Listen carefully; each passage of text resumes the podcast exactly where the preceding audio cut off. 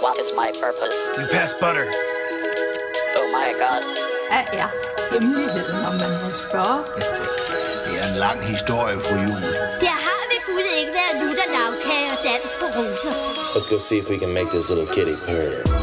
Oh, look, I have a mask helping me, too. Yeah, welcome to the club, pal. Finish him. 60% of the time, it works every time. Without doubt. The worst episode ever. Var der inde tidligere om morgenen, og så kom hjem øh, hen over middag, lidt øh, eftermiddag, og stod af toget og kiggede og kørte sådan ud i Odense, for at sige, at jeg skulle ned på 7-Eleven. Tænkte sådan, det er egentlig lidt spøjst, at jeg ikke, har, jeg ikke engang har set, jeg har ikke set nogen, som jeg bare er bekendt med, eller ved, hvem er på vejen. Jeg tænkte sådan, det plejer, der plejer altid at være en eller anden, man sådan lige Nå, okay. kan se sådan, eller et eller andet. Og så, og så møder jeg så dig, den jeg kender allerbedst, ja, Ja, på vej ned mod 7-Eleven. Ja, det nok at gå lidt tur der. Ja. Nå.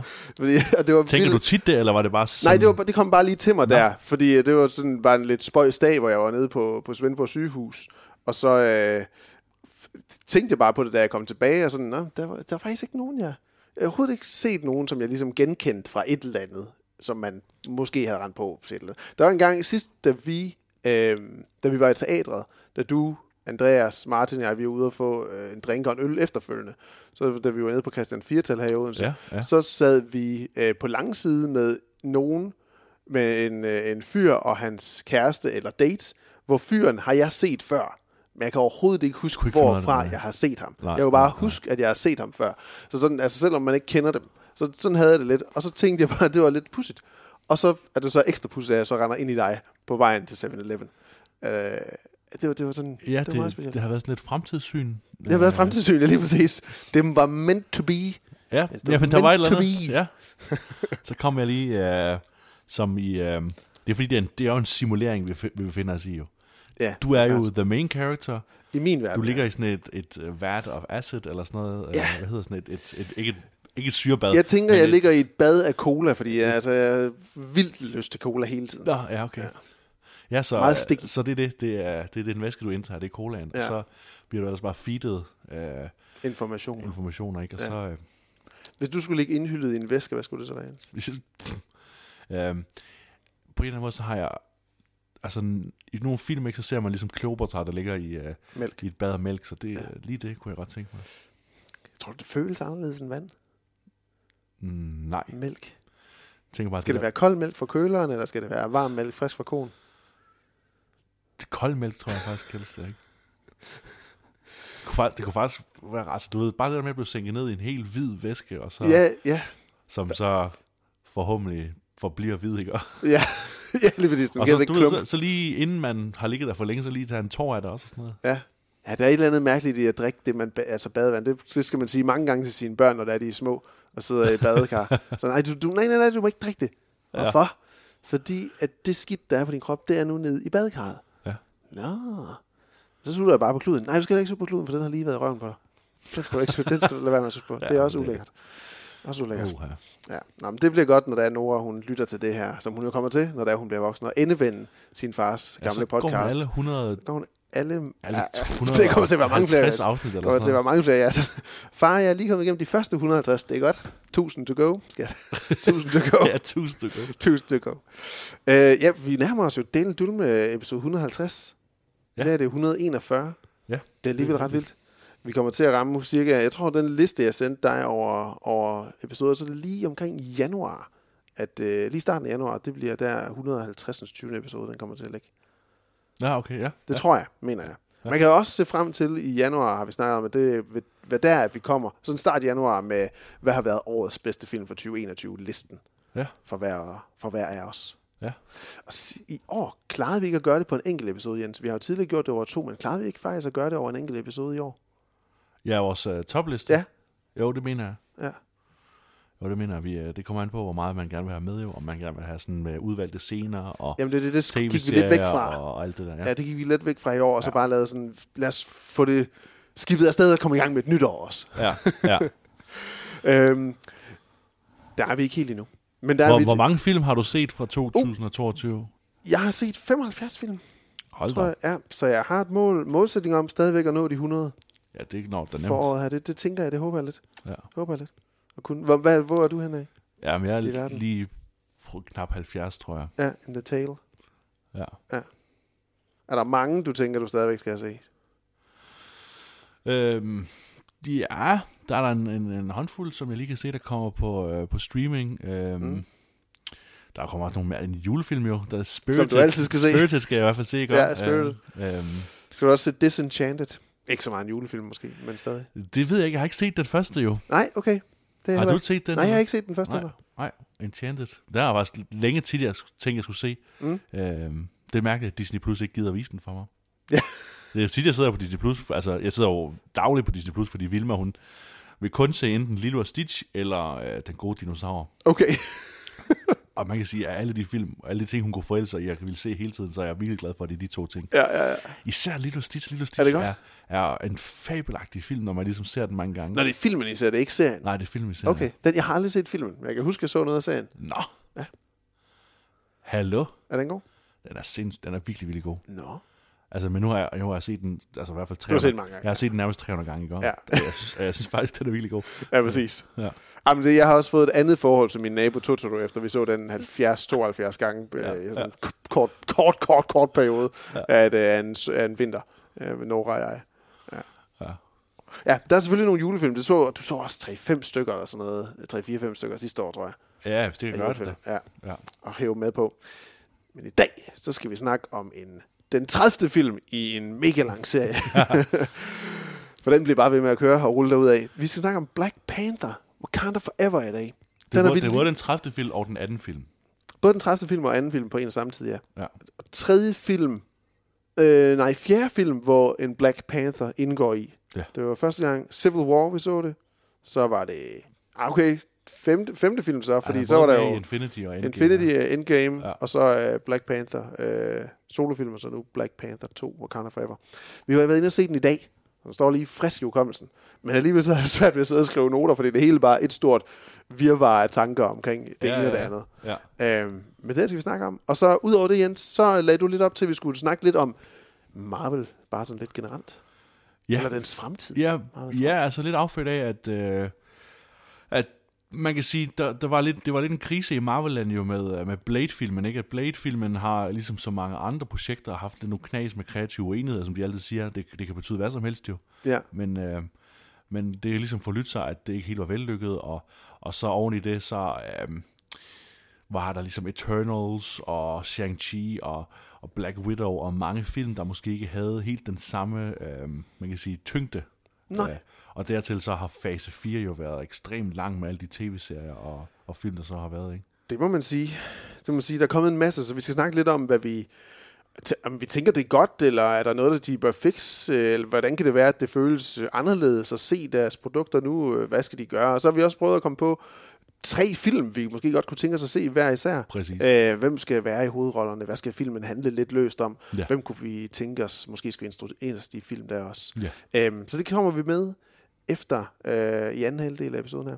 Men lad os da bare springe ud i at snakke om Black Panther, Wakanda Forever.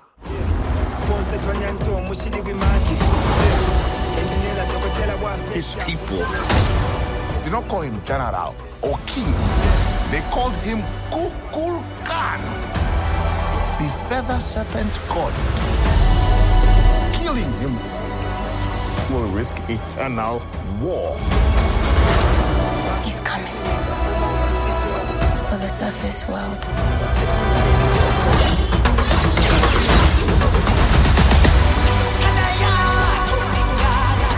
We know what you whisper.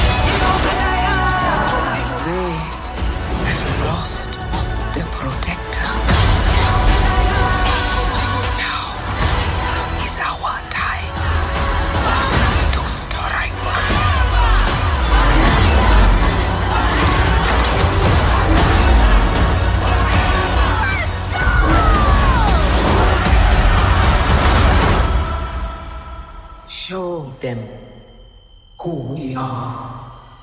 Egentlig er næsten overrasket over, hvor få gange de siger Wakanda Forever i selve filmen. Jeg troede, det var noget, de ville sige Ah, ah, helt gør- vildt mange gange. Det gør de, jeg tror kun, det er sådan to-tre gange, de siger det. Men, okay, nu siger jeg det også så lige igen, så vi lige får det lidt mere med. Uh, I Black Panther Wakanda Forever, der lægger vi ud med at mærke Wakandas sorg over tabet af deres konge T'Challa, spillet af nu afdøde Chadwick Boseman. De efterladte prinsesse Shuri, spillet af Letitia Wright, dronning Ramonda, Angela Bassett, spionen Nakia, spillet af Lupita Nyong'o, og Dora Milaje, generalen Okoye, spillet af Danai Gira, står alle med hver deres håndtering af et utroligt tab, da en uforudset trussel pludselig dukker op fra havets bund. Det er kong Namor, eller Kukulkan, Kukulkan, Kukulkan, fra det undersøiske rige Taloka dukker op, som følge af, at omverdenen nu leder efter vibranium på hele jorden. Hvis man husker det fra Black Panther øh, 1'eren, så slutter den jo af med, at de åbner op for, at vibranium kan være noget, der kan være gavn til for det meste af jorden. Men det viser sig, at Taloka og dets folk også er i besiddelse af vibranium, ligesom Wakanda er, selvom man troede, at Wakanda var det eneste land eller eneste nation i verden, der havde det. Namor, han har, eller Namor, han har dog ikke tænkt sig at lade de fremmede ødelægge sit rige, og kræver, at Wakanda enten hjælper ham med at overtage verden, eller også bliver Wakanda det første rige til at bukke under for hans magt og angelvinger. Wakanda Forever har mildt sagt været en udfordring for Ryan Coogler, instruktør og forfatter, sammen med øh, Joe, hvad hedder han, Joe øh, Robert Cole. Han var også en øh, manuskriptforfatter for den første sammen med Ryan Coogler. Ja. Kevin Feige og hele Marvel-holdet, det har været en udfordring for dem alle sammen. Der var en pandemi, så postede Letitia Wright, Shuri igen, en vaccinekritisk video, og rygter har hængt ved om hendes øh, position i forhold til vaccinen. Den har truet optagelserne og, og infighten mellem cast og crew. Men største udfordring selvfølgelig, det har været at miste både øh, hovedrolle og ikon, som han jo nærmest blev oven på den første film, Chadwick Boseman, der døde af cancer tilbage i 2020. Øhm, man har ikke valgt at recaste rollen som T'Challa her. Synes du, at, at rollen den skulle have været recast igen? Så det skulle have været bare, at det skulle have været T'Challa igen, der skulle have været Black Panther, som, som man egentlig har fuld tid til? Eller synes du, at filmen den løser den største problem på en god måde? Den gør sig måske lidt mere til en Wakanda-film, end en Black Panther-film langt hen ad vejen. Uh, for at bruge et godt dansk udtryk, det er, har været en, uh, en blessing in disguise, en uh, velsignelse i forklædning, at, ja. uh, at uh, de ikke længere kunne bruge T'Challa, de ikke længere kunne bruge Chadwick Boseman, fordi... Uh, og det har jo også hele tiden været min, min forventning, min ønske til uh, filmen, det var, at den ligesom netop hed Wakanda Forever, Uh, den hedder jo Black Panther, colon Wakanda Forever, men... Ja. Uden men, Black Panther måske simpelthen. Ja, det, altså det, har, det har hele tiden været mit, sådan, mit forhold til filmen, det var, at det ja. skulle være en, en rigtig ensemblefilm. Ikke? Ja. En, en, en, lang film, der uh, netop ville prøve at afsøge universet lidt bedre, hvor at, jeg synes, den første Black Panther var blev en kende for, for sådan for forvirret af, hvilken, hvad den skulle, og hvad den måtte, og hvad den ligesom skulle leve op til i forhold til at være en Marvel-film, jo samtidig med, at den havde det her helt stærke aspekt af, af man kan sige, den afrikanske identitet, postkolonialisme og alle sådan nogle Ja. ting. Ikke? Øhm, Killmonger sagde der var jo rigtig forståelig. Ja, netop, netop. Øhm, det, der var ligesom et, et clinch der, så, så det, det vi får, det er jo øh, en flok fantastiske sorte kvinder, som ligesom kommer front and center, og det, og det, det havde jo aldrig været, hvis, hvis ikke Chadwick Boseman øh, ligesom tragisk døde jo, så havde vi aldrig fået øh, en kæmpe, massiv blockbuster, sindssygt dyr med øh, afskillige sorte kvinder ligesom front and center, og det, det synes jeg er, er så vildt at opleve, Ja. at, at man kan få det øh, fra sin blockbuster i dag. Ikke? Mm. Jeg, jeg glæder mig til at se, hvor meget den tjener, fordi det er jo vildt, hvis den kan tjene helt meget på, på det. Ja, præcis. Altså, den, øh, den første, den står som den 14. bedst indtjenende, ikke, at, ikke justeret for inflation, men den 14. bedst indtjente film i, i historien på verdensplan, hvilket jo er, Ja, det var er sindssygt Det var, ikke? Det udkom jo, udkom jo på et tidspunkt, skred. hvor man ved, at studierne er lidt usikre på det. Ikke? Det udkom Ja, i kan det- februar. kan det lykkes? Ja, så det er Ja. der, hvor de altid dumper de der lidt usikre animationsfilm og sådan Ja, noget. ja. Og det viser bare, at det var et sindssygt øh, sted at sætte Den havde legs, som de siger. Den, den holdt i lang tid og blev ved med at tjene penge. Og blev Ja. ved med at tjene penge. Jeg var, jeg var sådan lidt, altså sådan selv op til... Jeg, jeg er sådan...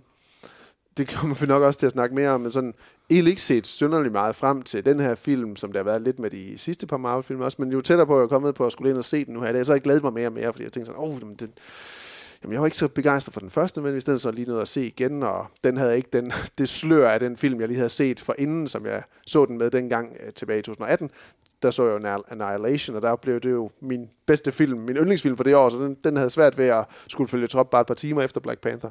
Øhm, men at, at åh, havde, det ikke, havde det ikke bare været fint nok, altså, at bare få recastet T'Challa, så der var Black Panther, så skulle de ikke til at bøvle med at finde ud af, hvem der skulle være den nye, eller noget af den stil. Det bare, og det, var, det er også fordi, i min bevidsthed af det, så synes jeg jo ikke, at Chadwick Boseman nødvendigvis fyldte så meget i, i, det, i det brede billede.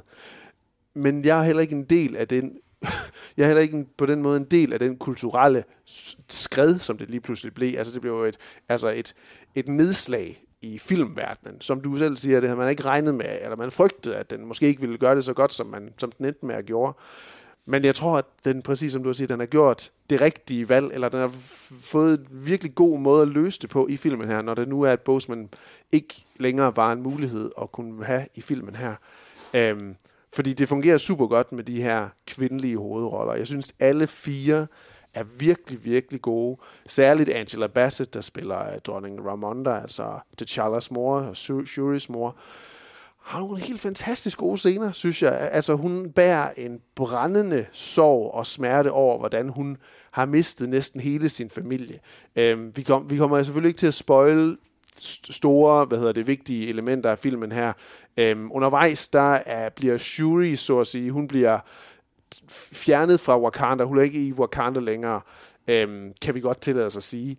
Øhm, hvor det er, hun kommer til at møde den her øh, karakter, som vi bliver introduceret for første gang nærmere. Han, hun bliver taget til hans rige, Taloka.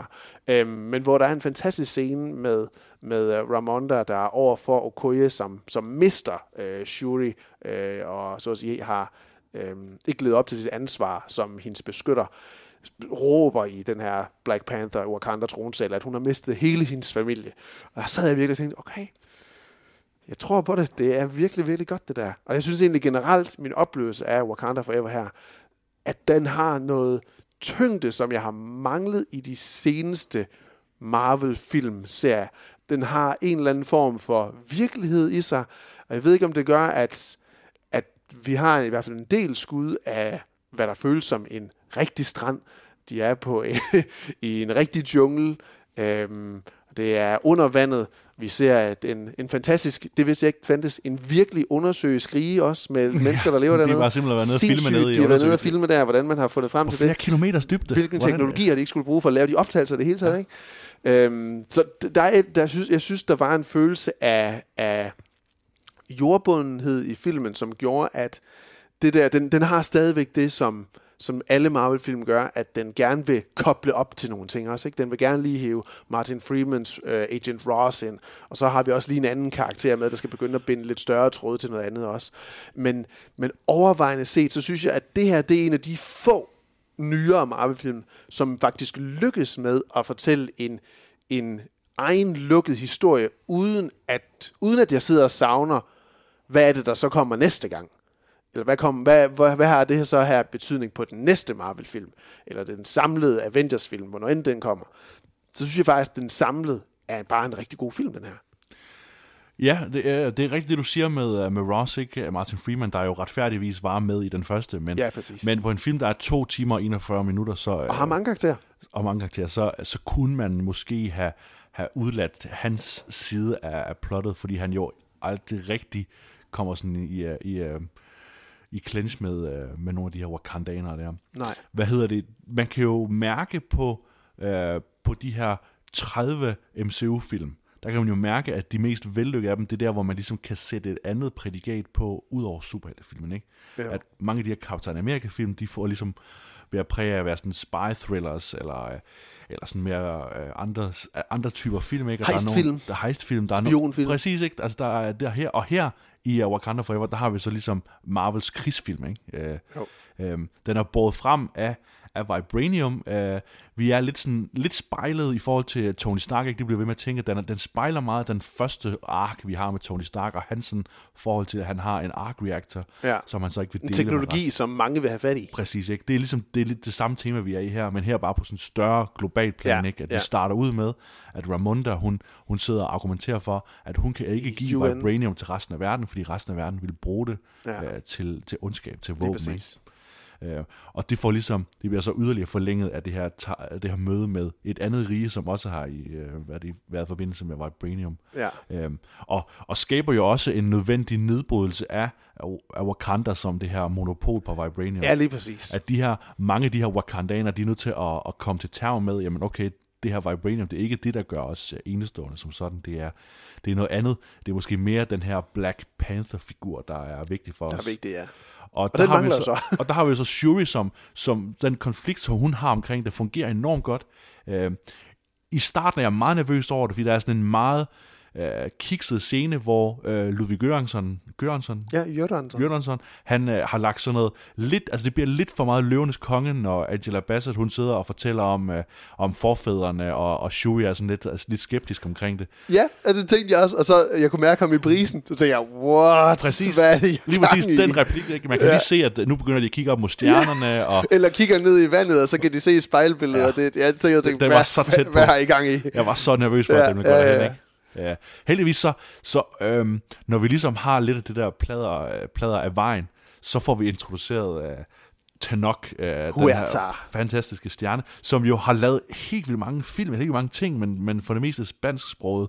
Så, øh, så det her det er ligesom hans øh, internationale gennembrud, udover måske The Forever Purge, hvor han spiller en figur, der hedder Juan. Ja, har du set de der Purge-film? Jeg, har, jeg, er ikke nået, jeg nåede ikke til uh, Forever Purge. Du nåede ikke jeg, til jeg, Forever jeg stoppede Purge. ligesom ved, ved, um, ved ham der, som også har været med i Marvel, som spiller Crossbones i Marvel, da han ligesom fik hovedrollen. Frank Grillo. Frank Grillo, yes. Ja. Han havde ligesom en, en, uh, jeg tror, han var med i den tredje Purge-film. Ja, noget. ja. Der stoppede jeg. Den, Ethan Hawke, han. Ethan Hawke bare altid ud af den første af de der horror franchises, og så må den køre videre uden ham derefter. Ja, han har det fint nok med at være The stepping Purge stone. og Sinister og alt det der. Ja. Øh, ja, og, og hvilken altså, karakter Namor også er, og, og virkelig godt, hvordan øh, altså, Kugler og Robert Cole her, og Tenor Cuerta for at skabt ham og bragt ham til live på, på skærmen her. Øh, en karakter, jeg ikke er særlig godt bevandret i, sådan fra, fra tegneserier eller tegnefilm tidligere, andet end jeg har stiftet bekendtskab med ham i nogle af de tegneserier, jeg læste sådan i start 10'erne, øh, hvor han kom ind. Han har jo været en del af Illuminati, øh, det her råd af superhelte, man lidt mødte i øh, en mødte en version af i Doctor Ja, Strange rigtigt, in the ja. Mad- Ja, Multiverse of Madness, ikke? Der har han også været en del af det. Så han er sådan en karakter, der har bevæget sig lidt sådan på spektret mellem at være god, ond, antihelt. Og her i der lykkes de jo, synes jeg, rigtig godt, lige sådan som med Killmonger i den første Black Panther, at skabe sympati for hans sag, eller for hvad han gerne vil, og hvad det er, han gerne ikke vil have, der skal ske. Øhm, og så, han er, han er selvfølgelig, han, han er sådan lidt menacing, samtidig med, at han er charmerende og truende, så er han også varm og venlig og, og imødekommende, og så han, han formår virkelig, eller de har virkelig formået at nuancere ham på en måde, så man faktisk synes, det er en virkelig god skurk, de har skabt her.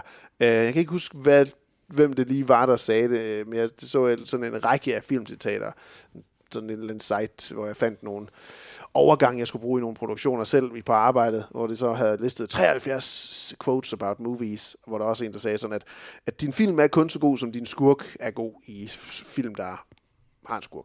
øhm, Ja, ja, ja. det, og det var præcis, det er ordret, sådan som det var sagt af Steven Spielberg eller et eller andet stil. Øh, Hitchcock, måske. Ja. Nok mere. Øhm, men det, det er jo virkelig sandt her. Altså, hold op, hvor er han bare rigtig, rigtig god. Øh, Tenor Huerta. Jeg håber så meget, at man får se mere med ham i fremtiden også.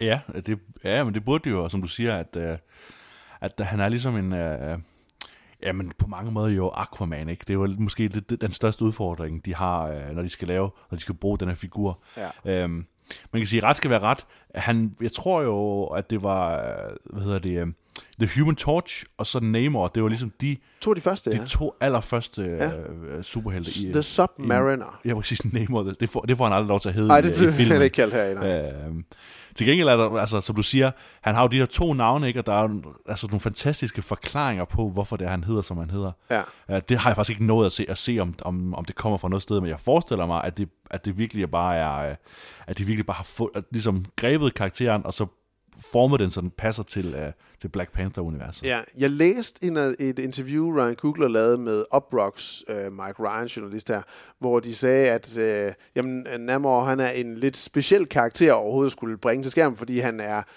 for tegneserierne, som de snakkede om i interviewet, en, der så at sige i alle scener eller alle paneler, han har, lægger an på kvinden i, øh, i panelet, og har sådan en, øh, en truende adfærd til sig, samtidig med, at han bare er overnaturligt stærk. Og så har han også lige spidse ører og vinger på anklerne, vinger på anklerne, som ja. en anden Hermes, ikke? Øhm, og det... Øh, og hvor Kugler havde sagt, svarer tilbage med det, at, jamen, altså, at Aquaman faktisk var lidt en hjælp på hele den her karakters øh, tilbliven på skærmen, fordi at, at at den film blev så kæmpestor en succes og blev så elsket, og Momoas portræt af Aquaman, det blev taget seriøst. Og så tænkte jeg, jamen lad os da bare embrace karakterens lidt specielle design, og faktisk bare tage det med det hele. Og det er jo ikke... Jeg sad, jeg sad overhovedet ikke og tænkte nogen gang, at hvor er det fjollet, de der ankel. Altså, der var lige en enkelt gang, man, man ser, at nærmere, øh, han, for, han har kommet med en lang ekspositionsfortælling øh, om, hvordan han er skabt og blevet til, og hvordan, Ja, ja, ja. hvordan hans øh, verden er blevet til med de mennesker, han, øh, han omgiver sig med, talokanerne. Øhm, og hvor man ser ham blive født, og man ser en lille falsk baby under vand med bitte små vinger omkring anklerne. Der, så der noget jeg lige at fnise lidt, fordi det så lidt fjollet ud. Det ser lidt skørt ud. Øh, men ellers så synes jeg, det er jo en, en helt støbt karakter i design og det hele. Og, og overordnet set, det kan være, at vi lige nævner det på et tidspunkt også, bare, altså, en fantastisk verden, man ser under vandet, og de har virkelig, de vandt jo en Oscar for Best Costume uh, Design, mener jeg, den originale film, og de har virkelig Og gjort noget de ud af, igen. det kommer de sandsynligvis til at gøre igen, Ja. fordi hold det op, hvor er det bare flot uh, skabt, den hele den her nye verden, som vi bliver introduceret for uh, under vand, og så er der måske så lige et par gange, hvor der vi ser nogle gode karakterer, der får nogle lidt nye supersuits, hvor de er, hvor de måske er løbet tør for det kreative uh, i et par tilfælde. Ja, det tænker jeg også. Jeg tænkte også, øhm, at det er jo ikke en spoiler at sige, at øh, Riri øh, Williams, øh, optræder i den her som, Nej. som, som den her relativt nye øh, Iron Man-agtige figur. Ja. øh, Er det en, du kender fra tegneserien, Jens? Jeg har ikke, jeg har ikke, øh, det læst, jeg har ikke læst noget Ironheart, øh, Nej. desværre. Øhm, jeg har læst Young Avengers og sådan noget, øh, men, øh, men jeg har ikke stødt på hende som figur, desværre. Hun skal jo komme som en serie, Ironheart, på Ja. Disney Plus i efteråret 23. Ja. Og det var som du siger, jeg synes, øh, jeg, jeg var ikke sådan videre overbevist om, øh, jeg synes egentlig, øh, skuespilleren, hun gør det godt nok, øh, Ja. jeg kan ikke huske, hvad hun hedder, men jeg synes, hun Dominic gør det godt Thorne. nok. Dom, Dominic Thorne, ja. Øh, ja. Jeg synes egentlig, hun gør det rigtig godt. Øh, jeg, jeg er glad for, at hun ligesom øh, spiller en autentisk, øh, altså hun ligesom har Ja. øh, en, en værmåde, så hun virker som en ung sort person, og ikke bare Ja. som en eller anden øh, blank slate. Ikke? Præcis. Øh, hun har noget personlighed. Øh, men som du, som du nævnte, det der, den der dragt, hun så øh, ligesom flyver rundt i. Øh, ud med, ja. Ja, altså hun har ligesom to, to forskellige dragter i løbet af filmen, og, Ja. og, og filmen gør heldigvis noget ud af at sige, at det er nok ikke det samme dragt, hun har næste gang, man ser hende. Mm. Øhm, men men det, det så netop ikke så fantastisk ud. Altså, det var ikke, man, man savner stadigvæk den første oplevelse, man havde med at se Iron Man i, i de her plader. sin dragt, ja. øh, øh, Ja, den, havde, den havde lidt en fornemmelse af noget, et eller andet Disney-show-agtigt, altså et eller andet, et eller andet, øh, altså, den har sådan nogle blå øjne, den, den dragt, hun, hun ender ud i. Det, det, det lignede lidt sådan, Bay, det lignede lidt Baymax, det, det fik sådan lidt konnotationer derovre af, synes jeg i hvert fald. Ja, jeg tænkte, jeg tænkte på, uh, på Samus, ikke? At det ligner sådan en uh, den der Nin- Nintendo-figur, Ja. uh, figur, ikke? Hvor sådan store skuldre og sådan en kanon, fast kanon på armen og sådan Det er rigtigt, ja, ja. Øhm, hvad hedder det? Ja, men, men ellers så fantastiske uh, uh, Kostymer. kostymer, og, og, og noget af det, som jeg er ked af ved den, ved den forrige film, det var, at, uh, at jeg ville jo gerne opleve Wakanda. Wakanda er jo, er jo Ja. sådan en fantastisk ting ved, uh, ved Marvels tegneserier, og det er så fantastisk, de har det. Altså det er jo, så vidt jeg ved, noget, som DC ikke rigtig har så meget af, men Marvel har den her afrofuturistiske øh, verden, de kan dykke ned i. Og, og jeg synes, når vi ligesom får lov til at være nede på gaderne, og, og se... Øh, Altså i den første var det lidt skuffende, fordi vi så hurtigt var i et eller andet sted på en eller anden, en eller anden kedelig storby i New York og Ja. sådan noget. Her der får Vi skal alligevel- til Sydkorea og slås på et casino. Ja, præcis. Øhm, her der får vi lidt mere, lidt federe kulisser. Vi, vi kommer ligesom også op til uh, Mbakus uh, Jambai. Ja. Uh, men det er mest, når vi er nede på gaden, og vi får lov til for, for, ligesom at se sådan et, et sted, der jo stadigvæk er uh, præget af afrikansk kultur, men alligevel uh, viser sig som, som det her paradis, uh, Ja. Der ville have været teknisk set, hvis ikke kolonimagterne havde, øhm, havde ligesom kommet og, og, sultet øh, afrikanske kontinent. Taget alle ædelstenene og ressourcer. Og filmen bruger alligevel det der, altså, de, de kalder alligevel Ever Ross uh, my favorite colonizer og sådan noget. Altså, de, Ja, de ja, refererer præcis. alligevel til uh, kolonialisme uh, på sådan en lidt henslængt måde. Øhm, og det er jo sådan en anden ting, der, der gør den her film, gør, at jeg synes, Wakanda Forever bliver bedre, det er, at den, øhm, den føles som sig selv. Øh, den føles ikke som en, en film, der er beskæftiget med at referere for meget. Jeg synes, Kill, Killmonger som skurk var en lille smule vanskelig, fordi han jo stadigvæk er en udfrakommende. Selvom han på en eller anden måde har retmæssigt, øh, ret, ret til, øh, til Wakanda, så er han udfrakommende. Her der, der er noget mere interessant i at ligesom skabe sådan et fantasy-univers, der er isoleret omkring øh, Talukar og, og Wakanda, øhm, og, så, og så ligesom have øhm, alt det vestlige, det her med, at USA gerne vil have Vibranium, også have det ved siden af. Ja. Øhm, samtidig med, at musikken også er, er langt mere world orienteret, ikke? At vi Ja. får, vi får alle mulige Burner Boy, og, og vi har musik på afskillige sprog, ikke? Altså, det er virkelig øh, et... Øh, man får virkelig en følelse af, at man som, som hvid person er, øh, er sådan sat en lille smule til side.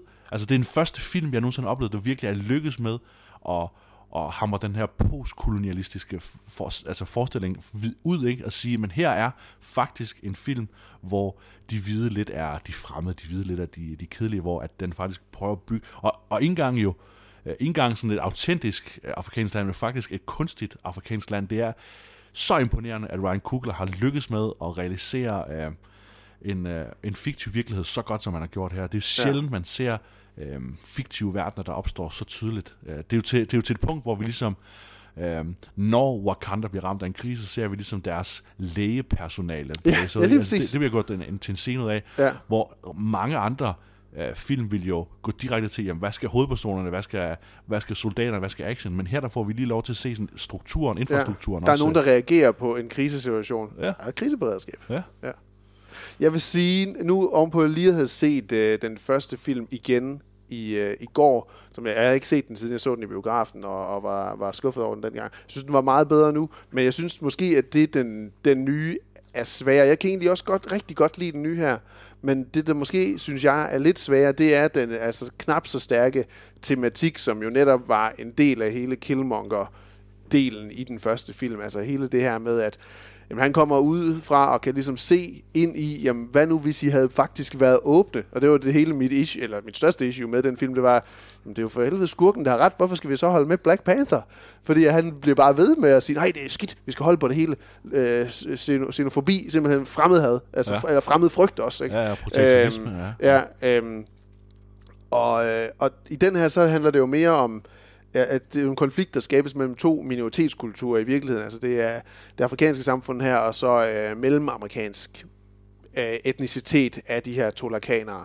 Øhm, Ja, det er sådan nogle Inka-indianer. Inka-indianer, ja, noget af den stil der. ja. Øhm, og det er måske der er det eneste, eneste sted, jeg rigtig synes, at den sådan falter lidt i forhold til den originale. Men jeg er enig, når jeg ser den første, så synes jeg også, at at det føles som en meget mere snæver film, egentlig den første. Det går ret hurtigt med, at det, det handler egentlig mest af alt bare om at få Killmonger til at komme der, så der, der kan komme en konflikt, og så skal, Black, så skal T'Challa genopleve sig og få kræfterne igen, og så er der en showdown med nogle øh, CGI-næsehorn, og så den her øh, dårlige CGI-kamp, action-sekvens, hvor de begge to har en, øh, en Black Panther, hver sin Black Panther-suit på og kæmper ned i de her ja, lystogbaner. Ikke? Den, så den var egentlig sådan ret smalt beskrevet, hvor den nye, som vi startede ud med at sige, det er lidt mere sådan en ensemble-film, øh, man får fornemmelsen af.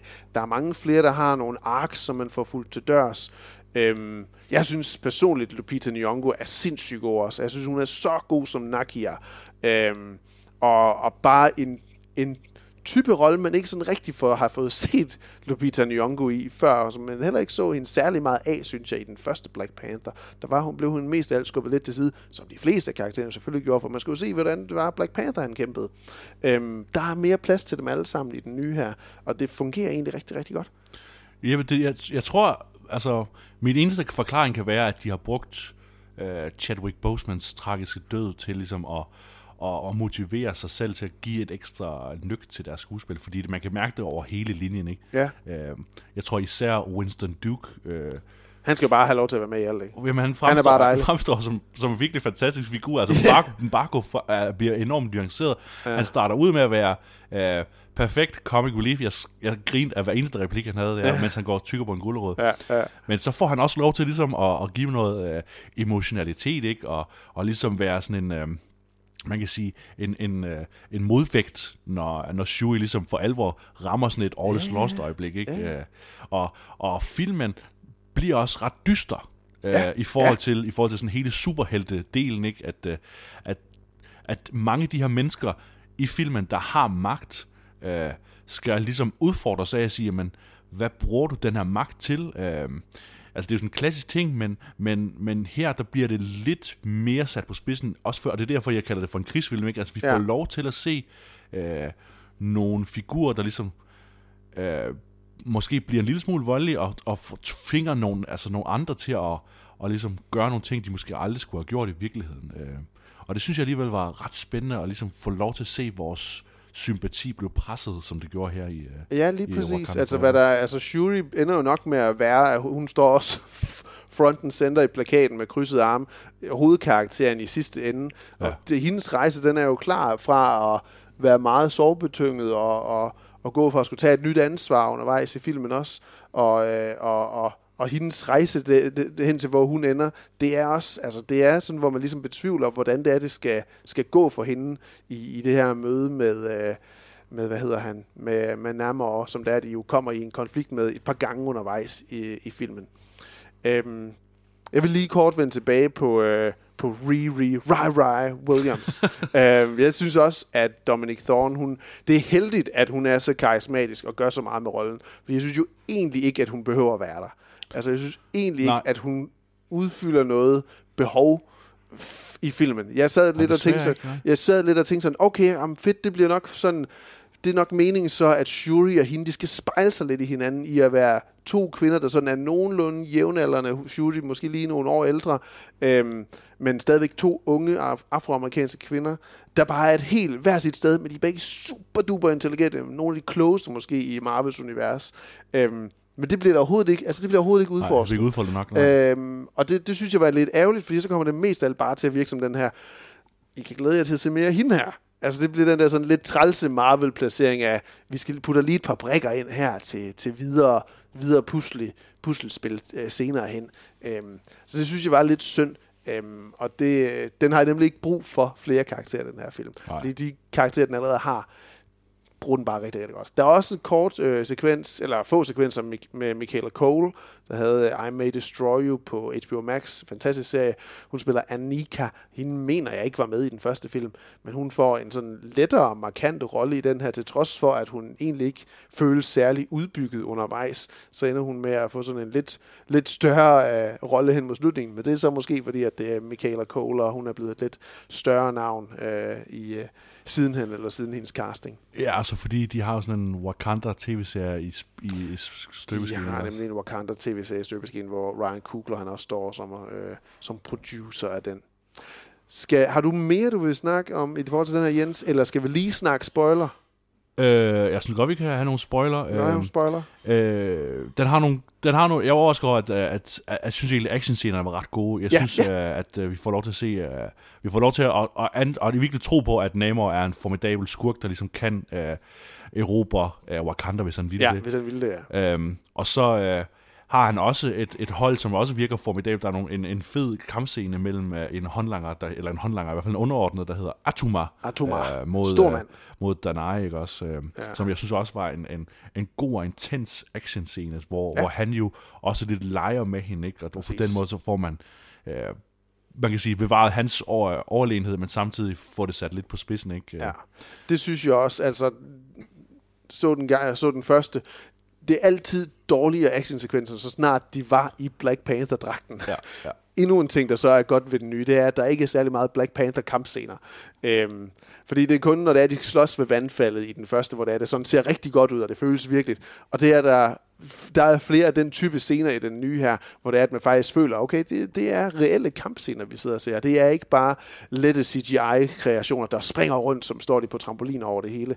Øhm, og det synes jeg var rigtig fedt. Så actionsekvenserne, de har alligevel fået den nyk op. Øhm, og så CGI-sekvenserne, de, de, de, der er stadigvæk et eller andet indimellem, hvor man kan sidde og irritere sig over, at det ikke er, at det lige mangler finish, som de siger i bagdysten. Eller, eller der skal lige det Jun, sidste, Jun der mangler lige finish. glaze Der mangler, Karl, du ved, hvad jeg skal til at sige. Ja, der mangler finish. lige Lige præcis, der mangler finish. Det er det, der gør. Lige det, præcis, der mangler Lige præcis, der mangler finish. Det gør der altså, Karl. Øhm, og det, sådan er det også med nogle af de her sekvenser, synes jeg. Ja, jeg kan, sagtens, jeg kan sagtens se kritikpunkter. Der er nogle scener, der er lidt, der er lidt for mørke, ikke? hvor man måske kan mistænke, at man har prøvet at skjule et eller andet. Øh, og, så, øh, og så er det jo, jeg tror, det vil være meget hit, uh, hit og miss i forhold til musikken. Ja. Øh, for mig, der var, det, der var det bare fantastisk, at, Mm. øh, at den fylder så meget. Altså, Ja. den, den er in your face, som nogen anden film nogensinde har været. Altså, det er Ja. virkelig... Øh, Øh, man kan sige, der er, der er jo sang, rigtig meget sang, ikke? Øh, der er ikke så meget hiphop, som der var i forhold til den første film. Gudskelov. Øh, det er jo, som jeg sagde før, det er mere world, ikke? Øhm, men også, altså, øh, den instrumentale, der er sådan en... Øh, når, altså, dragten, Black Panther-dragten, ligesom for alvor kommer i spil, så har han lavet et helt fantastisk tema, der ligesom har nogle, nogle vilde stryger, som ligesom spiller op mod, øh, mod sådan nogle skarpe syns, hvor at, øh, at det synes jeg bare var et stærkt tema, og jeg håber, håber ligesom, at, at øh, man kan bruge det på samme måde, som, som Wonder Womans tema jo virkelig blev en, Ja. en ting for Ja, deres film. Ikke? Altså håber jeg Ja. virkelig, at det her tema kan få lov til at, at leve i, Ja. i filmserierne. Ja. Jeg, jeg synes ikke, Rihannas sang, de var gode. Nej, det er rigtigt. Jeg synes ikke, de var gode. Jeg ved, at være på vej herover, jeg kørte i bil, der spillede de uh, Lift Me Up, tror jeg, den hedder, som er den første sang, man hører uh, ved rulleteksterne, eller lige når filmen den slutter. Kedelig sang. Kedelig, kedelig ballade. Og jeg lyttede til den nu her, uden konteksten af Black Panther. Det lyder ikke som en sang, der passer til Black Panther heller. Nej, Øhm, men øh, som vi snakker om, der er måske lige en, øh, en, et Fenty, øh, Savage Fenty easter egg i, øh, i filmen. Ja. så det er jo måske betalingen for, for sangene, Ja, og så den sløje, sløje sang øh, performance. Lad os lige tage nogle spoiler. Hvis ja. det er, at du endnu ikke har set øh, Black Panther Wakanda Forever, og ikke vil vide noget om, hvem det er, der ender med at være i Black Panther-suitet, så, øh, så kan du hoppe ud af, af podcasten nu og vende tilbage, når det er, vi snakker om øh, MCU overordnet set. Er du hoppet ud? Godt. Du er stadig hende. Fint. Så kommer det altså nu. Øhm, forvent, du forventede vel også, at der ville blive udpeget en ny Black Panther i løbet af filmen, Jens? Eller, eller tænkte du sådan gå ind til det, sådan, som, det, som den udviklede sig sådan lidt? Men det kan godt være, at de bare vælger at skrotte det helt, fordi det fungerer så godt, det her. Øh, ej, altså... Ja, det var lidt ærgerligt. Man, man sidder jo, når man ser filmen, og hvis man har været i biografen, så har man set traileren til, øh, til Wakanda Forever, så man har også set dragten jo. Ja, man har øh, set, at dragten kommer. Ja. Og, det, og man kan godt se, at det ikke er at T'Challa, det er ikke en gammel dragt, det er en ny dragt, ikke? Så man Ja. ved godt, at der er en ny person, der får Den her spinkel. dragt. Ja, den er lidt spinkel også, ikke? Ja. Og altså, det er jo ikke så overraskende, at Shuri, hun ligesom øh, bliver Black Panther, fordi det har hun jo også været i tegneserierne. Det er der også mange, der, der bemærkede, så, Ja. så, så vilde er det jo heller ikke. Nej. Øh, men, men filmen kan godt lide at lege lidt med det, tror jeg. Ikke? At, øh, Det fornemmede jeg i hvert fald. Ja. undervejs. Altså jeg sad i hvert fald flere gange og tænkte sådan, okay, om der er ligesom tre karakterer, det kunne være, at det, øh, det ville være Shuri, der var det mest oplagte, men så var det Nakia, og så Okoye, der ligesom var de tre aldersmæssigt ret øh, rigtige til at kunne påtage sig den rolle der er dragt. Men jeg sad sådan og håbede, at det ikke ville blive Shuri, eller ikke ville være Letitia Wright. Altså jeg synes, der er, den, den fortsætter jo ligesom formlen, som Marvel er i gang med nu, med at recast rigtig meget, og re- recast rigtig meget ungt og kvindeligt. Og det er super godt. Men det, skal heller, det, må, det må heller ikke være på næsen det hele. Det må ikke være bare fordi det hele, det må det simpelthen ikke, fordi så begynder det at blive irriterende undervejs. Øhm, og det er heller ikke rigtigt, at alle superhelte, de skal være hvide mænd. Lad det bare lige være sagt med det. Det skal det overhovedet ikke være. Øhm, men jeg havde sådan håbet, at det ville være en Lupita Nyong'o. ja, det var Martin Freeman. Nej, jeg, jeg, jeg, ja, undskyld. Undskyld. undskyld. Martin Freeman, ja. At det ville være Lupita Nyong'o. Ja. Hun er lige der, som jeg sagde til dig, da vi sad og havde set filmen. Jeg, at jeg, jeg synes, det er så synd, at man vælger, at det er Shuri, når det er, man har Lupita Nyong'o lige der. Hun er en fucking Oscar-vinder. Hun er så god. Øhm, det er dumt at lave scenen, som det er, ikke? hvor de står og holder i hånden, mens øh, at man laver den der nye heart-shaped herb, og så, så står der ligesom to kvinder og holder i hånden, ikke? så er man sådan, en hver vil ligesom tænke, Nå, det, er, det er nok hende, altså nok Lupita, jeg helst vil have, der, der skulle gøre det, ikke? Ja, og, og det er lige præcis det, du siger. Den leger lidt med det. Jeg sad i hvert fald og havde fornemmelsen lige til det sidste næsten. Næsten lige til det sidste. Øh, om den ville lave en reverse. Selv efter den havde givet Shuri mantle af, af Black Panther. Om hun ligesom ville indse, nej, Black Panther skal ikke både være landets øh, regent og landets forsvar. Det er for skrøbeligt. Lad os sprede de to ud Nakia, du skal være den anden. Jeg er regenten, jeg er teknologisk vidunder. At det var sådan, de havde fordelt det. Og det gør den bare ikke lige helt, men den, den, den tager absolut teaser det undervejs. Både når det er, at øh, Angela Bassett som, undskyld, som, øh, som dronning Ramonda tager til Haiti, hvor Nakia hun er draget til efter øh, T'Challas død. Måden hun bliver introduceret på, hendes rejse der med at skulle, skulle hjælpe med at befri. Og der er, også, der er noget i måden, hun bliver framed på undervejs. De samtaler, hun bliver bedt om at have. Der er noget, noget genovervejelse af hendes position i den verden, og hendes rolle i den verden, som kunne lede ens tanker hen til at blive, det kan godt være, at hun bliver den nye Black Panther. Øhm, så da det så er, at de endelig får fremstillet den her syntetiske øh, hjerteformede blomst i øvrigt, for en blomst, der kan det, den kan, så synes jeg, det er et meget uoriginalt navn at finde på. Hvad skal ja. den hedde? Mm, Den er formet som et hjerte. Hvad med hjerteformet blomst? Indtil vi finder på noget bedre, så lad os bare kalde den det. Godt, ja. og så fandt de aldrig på noget bedre. Øhm, så når det er, at de lige har fundet på den, vi ser, de holder i hånd, så tænker jeg sådan, åh, men så bliver det faktisk sådan ret, så virker det som om, at det har egentlig været filmens hensigt hele tiden. Og det kan så godt være, at det er bare mig, der sidder og taler ind i noget, os, der sidder og, og ser noget, den ikke prøver at fortælle, men det synes jeg jo så stadigvæk, den gør. Fordi så er det meget øh, uhøjtidigt, at vi så ser, at det er bare Shuri, der lige lægger sig på briksen, og så får hældt det her væske i sig. Øh, noget, jeg havde ligesom tænkt, det også fordi, at Letitia Wright, hun giver sådan en rigtig godt smil over til Nakia, efter den er blevet skabt, den her blomst. Som ligesom, ja, nu har den skabt, og hun er helt, helt lykkelig, Nakia, og du lykkedes med det. Sådan, ja, men den er ikke til mig. Den er til dig. Ja, jeg, jeg, jeg, det. så, jeg, så, det, det jeg så det ske, ikke Ja, også? Men ja. øh, det valgte den så ikke at gøre. Øhm, og så også fordi, at den jo lige ved, troede jeg, og så at, at dræbe øh, Shuri også. Det troede jeg faktisk var det, den var ved at ske. Der var jeg sådan helt, okay, nu tager den bukserne af mig simpelthen, eller river tæppet under mig, væk under mig. Øhm, eller hiver mig ned under vand, hvor jeg ikke kan holde... Ej, det bliver for, det bliver for mad. Øhm, den hiver bare bukserne af mig. Hvad ved det at gøre det? Hvor det Ja, er, at øh, Namor øh, spider øh, Shuri i Black Panther suited. Så jeg, okay, shit, Med hans Nå. vibranium spyd. med vibranium spyd. Men der er så åbenbart bare nogle nanites selvfølgelig, eller nanobots, der bare går ind og, og healer det med det samme. Øhm, no biggie. Ikke noget problem, der skal tales om. Det, man kan godt klare at få et spyd lige igennem abdomen. Det gør ikke en skid. Øhm, så det er, bare, det er Shuri, der bare er Black Panther nu. Ja. En anden ting med, med sådan lidt spoiler, det er jo, at uh, Namor, han nævner sig selv som en mutant. Nå ja, lige præcis. Det kunne man også lige være nævnt. Et ja. ord, der, der betyder lidt mere efterhånden, ikke? Ja. Øh, Nu hvor X-Men ligger i, øh, i, køl, øh, i farvandet, hedder Ja. det så. Det, bliver den, det, det underspiller den også meget. Den siger bare, I was born a mutant. Mu- mutant. mutant. I was born, I was born a mutant. I was born a mutant. Øh, og går videre derfra. Sådan uden fanfare eller... Ja. Så indtil videre, så er der... Øh, det, kunne også, det kunne også passe lige Miss så Marvel og, og Namor, de er mutanter. Det har også øh, været så kikset, hvis det havde gjort ligesom i Miss Marvel. Det fungerede i Miss Marvel, fordi det er lidt en anden, Ja, anden verden. lige der- det havde været meget kikset, hvis det var i... Det er det- vi det- står det- under vandet, og så ligesom... I was born a mutant. Kigger rundt. Hvad var det? Hvad var det? Hvad var det? Det ved jeg ikke. Det sker hver gang, jeg siger, at jeg er mutant. Ja.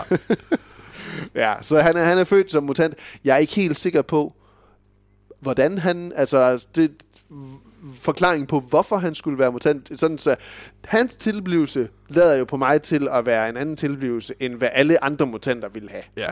Ja, det, er jo- det er jo så også det. Om spørgsmålet er jo, fordi det, altså man kan sige, det er samme med Marvel, ikke? Altså det er jo to, øh, man kan sige, det er jo to figurer, der, der har ligesom, der både er mutanter, men også har kræfterne fra et andet sted. Fra noget andet. Fra noget andet, noget, altså, er det Vibranium, der gør det, at de får de her kræfter? Pff, I don't know.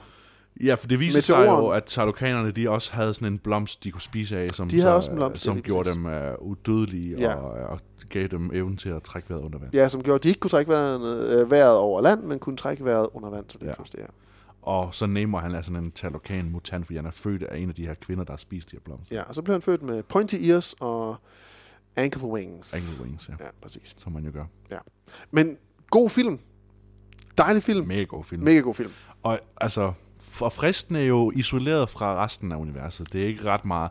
Uh, det bliver lige nævnt en enkelt gang, at uh, efter Thanos angreb, så uh, forsvandt du fra os og sådan noget. Ja. Og det er jo egentlig ikke nødvendigt at, at nævne det som sådan, men... Uh, Lige sagt også øh, nærmere og stærkere end hulken og sådan noget der. Ja, det er rigtigt. Ja. Det er rigtigt.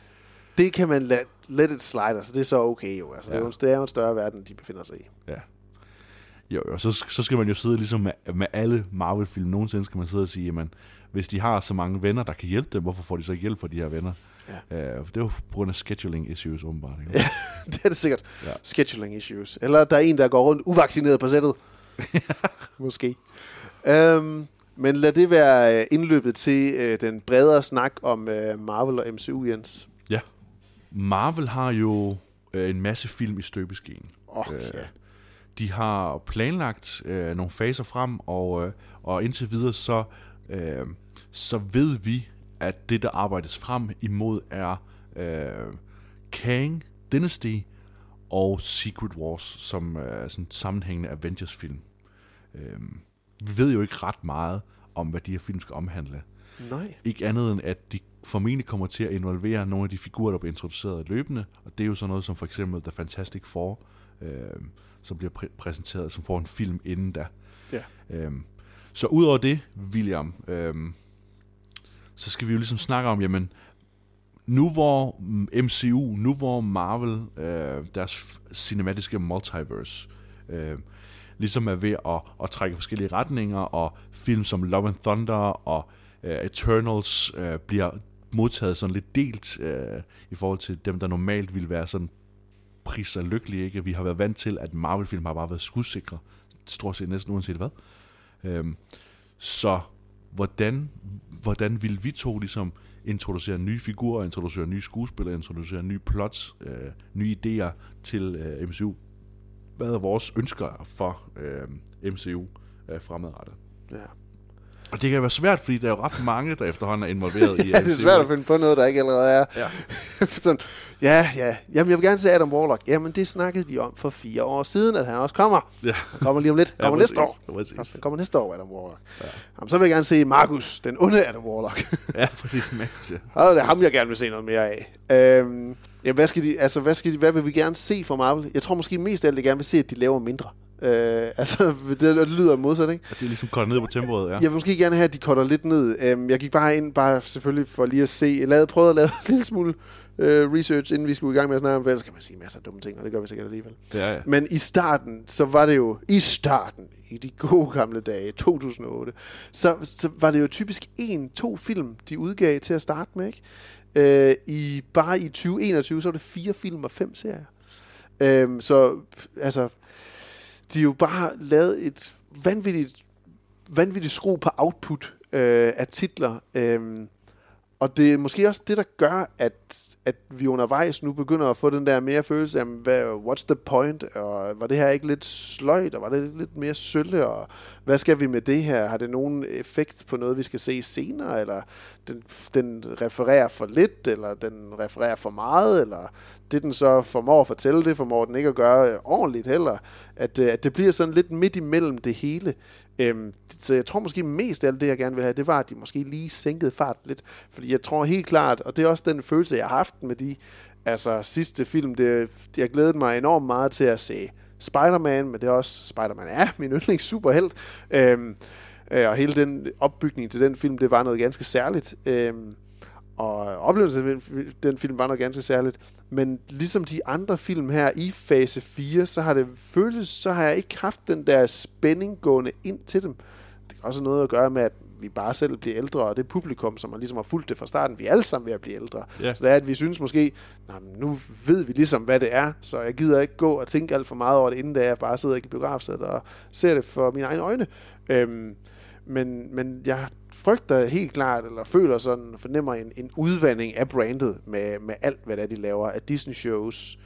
Disney shows show, og, øh, og, og, og, og, film oveni, ikke? og specials og så videre. Bare nu, altså nu her mellem uh, Wakanda Forever og Avengers Secret War, der bliver den næste, øh, nej, som bliver nummer to Avengers uh, Kang Dynasty kommer ind imellem øh, inden Secret War. Ja. Men som, og Secret War her, den kommer 1. maj 26. Der kommer der altså mellem, der kommer der 20 film eller serier eller specials mellem nu og så øh, 1. maj 2026. Det, det er mange, altså det er mange det er rigtig produkter. Mange, det er rigtig meget. Ja, det er så... Hvis du tæller serier med, så er Det der- er serien tæller med, ikke også? Men det er de der tre eller fire film i året stadigvæk, der skal, der skal komme nu her. Ja. Men, så Ja. det er, det er helt vildt meget. ekstremt meget, ja. Det er ekstremt meget, og det er også sværere at engagere sig i de fortællinger, de øh, engagere sig i mængden af karakterer. Øhm, og så, så der er nogle andre parametre også, jeg vil komme ind på. Hvad, hvad synes du, lige sådan fra From the Top, Jens? Er der noget i vejen? Hvad, hvad vil du gerne have fra dem? Øhm, altså, jeg er overset overrasket over, øh, hvordan, hvor, hvor godt det har fungeret, især med serien. Og jeg tænker specifikt jo i forhold til, hvordan jeg på nuværende tidspunkt er fuldstændig færdig med Star Wars. Simpelthen færdig med Star ja, Wars. Ja, du er røget af der, ja. Disney, de har, de har kørt min, mit, uh, min entusiasme omkring Star Wars totalt i bund. Ja. Øh, så der kan jeg jo jeg kan godt forstå, hvor du kommer, hvor du sidder henne. Øh, der har også der har været nogle Marvel-ting, hvor jeg bare har droppet det, ikke også? Altså Hawkeye, og, Ja. og jeg så ikke uh, Falcon og Winter Soldier færdig. Nej, præcis. Øh, øh, og de der ting, men så er der samtidig så også jo uh, Loki og, og She-Hulk, som var ting, jeg var for, ja. enormt begejstret for, og som jeg synes øh, virkelig gjorde nogle andre ting, og det, er, og det er også det, som med, med Wakanda Forever, der føler jeg ligesom, at der bliver gjort nogle andre ting, og, og vigtigst af alt, øh, det handler om noget, ikke? Det er jo det vigtigste i virkeligheden, når man, Ja, når man ja. laver de her film, at det er, at det skal handle om noget.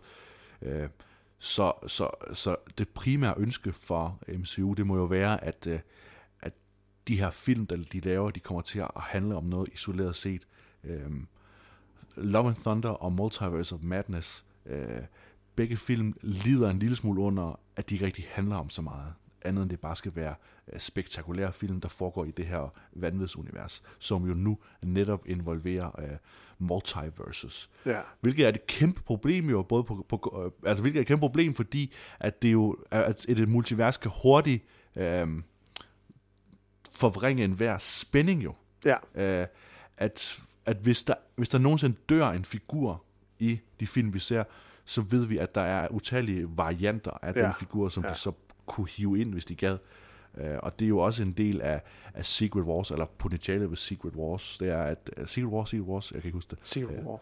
Øh, det er jo en af de potentiale, det er, at, øh, at man ligesom kan blande alle mulige. Ikke? At der er nogen, der har skrevet, jamen så kommer vores hulk til ligesom at slås mod alle mulige variationer af, af hulk. Ikke? Og, og på den måde, så kan man også øh, introducere mange af de hulk-figurer, hulk-varianter, der er fra, øh, fra tegneserierne, som den her øh, gamle hulk, som er sådan en skurk med skæg og alle sådan nogle ting. Ikke? At det, at det, der ligesom, det, det potentiale er der, men det er samtidig også en forringelse, forringelse af, af den spænding, der er omkring øh, figurernes øh, overlevelse. Ja.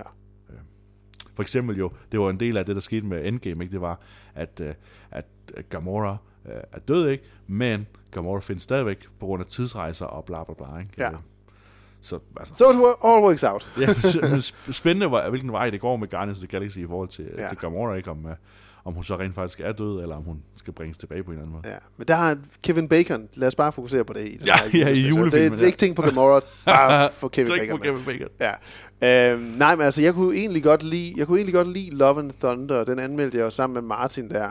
Øhm, men, men præcis, altså både den og Doctor Strange lider af det, at den ligesom bare skal være det, det virker som sådan en one and done, og så, så er vi videre til det næste. Altså mere sådan, jamen vi havde allerede lagt os fast på den her dato, så nu skal vi bare gøre det. Altså, jeg, var, jeg var underholdt, fordi Chris Hemsworth er en vildt underholdende og karismatisk skuespiller, synes jeg, i den rolle. Øhm, det er Benedict Cumberbatch ikke på samme måde øh, endnu, eller længere som Doctor Strange. Øhm, og, og der er bare et eller andet sådan et, der er sådan et, et clash mellem, at de gerne vil fortælle en lukket historie, men samtidig også gøre noget videre, men alligevel så refererer de ikke nok videre til, hvad det er, vi skal. Altså det er jo, hele fase 4 har jo manglet den der, jamen hvad er det, de skal bevæge sig hen imod? Hvad er det overhovedet, de her film skal, og det er jo det, vi er blevet tilvendet. Det er jo det, Marvel selv har tilvendet os til, at, øh, at hver en film, det er ligesom, det er et kapitel i den store samlede fortælling, som der var Infinity-sagaen og, og afslutningen med Infinity War og Endgame, ikke?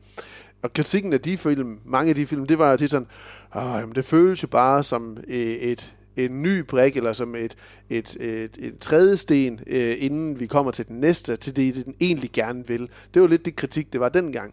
Så det er lidt- bare lidt pudsigt nu her, hvor det er, at vi mangler, eller for mig, det kan godt være, at man mest skal tale for sig selv, men for mig mangler det der samlede billede. Ja, Kang kommer nu. Det har vi fået indtryk af. Men vi har ingen idé om, men de er, stadig, de er overhovedet ikke begyndt ligesom at samle nogen tråde for nogle af alle de her ting, for nogle af alle de her serier eller film rigtigt. Nej, fordi altså, man, man kan jo bare kigge på de, de film, der har været. Ikke? Bare Eternals havde jo to altså helt to, øh, man kan sige, tråde, der ligesom skulle samles op. Ikke? Der er øh, Thanos' bror, Eros, Ja. og så er der øh, øh, Black Knight-figuren, ikke også? Jo, Øh, og jo. som ovenikøbet bliver snakket til af Blade, får vi at vide, ikke? Øh, Ja, som bliver snakket til Blade, Så ja, bare Mahershala Eternals, der er, ligesom, der er faktisk tre, øh, tre ting, der ligesom kommer til at hænge lidt i luften der. Ja. Bare for én film. Nå ja, så er der også den der kæmpe Celestial fra jordens indre, Yes. som ikke er blevet nævnt Som ikke endnu. er blevet nævnt endnu, som åbenbart Nogen ligger et steder. sted og Det er så mærkeligt. Ja. Det er virkelig det, og det har vi sagt nogle gange efterhånden nu. Hvordan endnu et hak i, øh, i sengekanten af en film eller en serie, der ikke har nævnt det her monster, der er trådt ud af jordens indre. Og Shang-Chi havde sin egen tråd, og,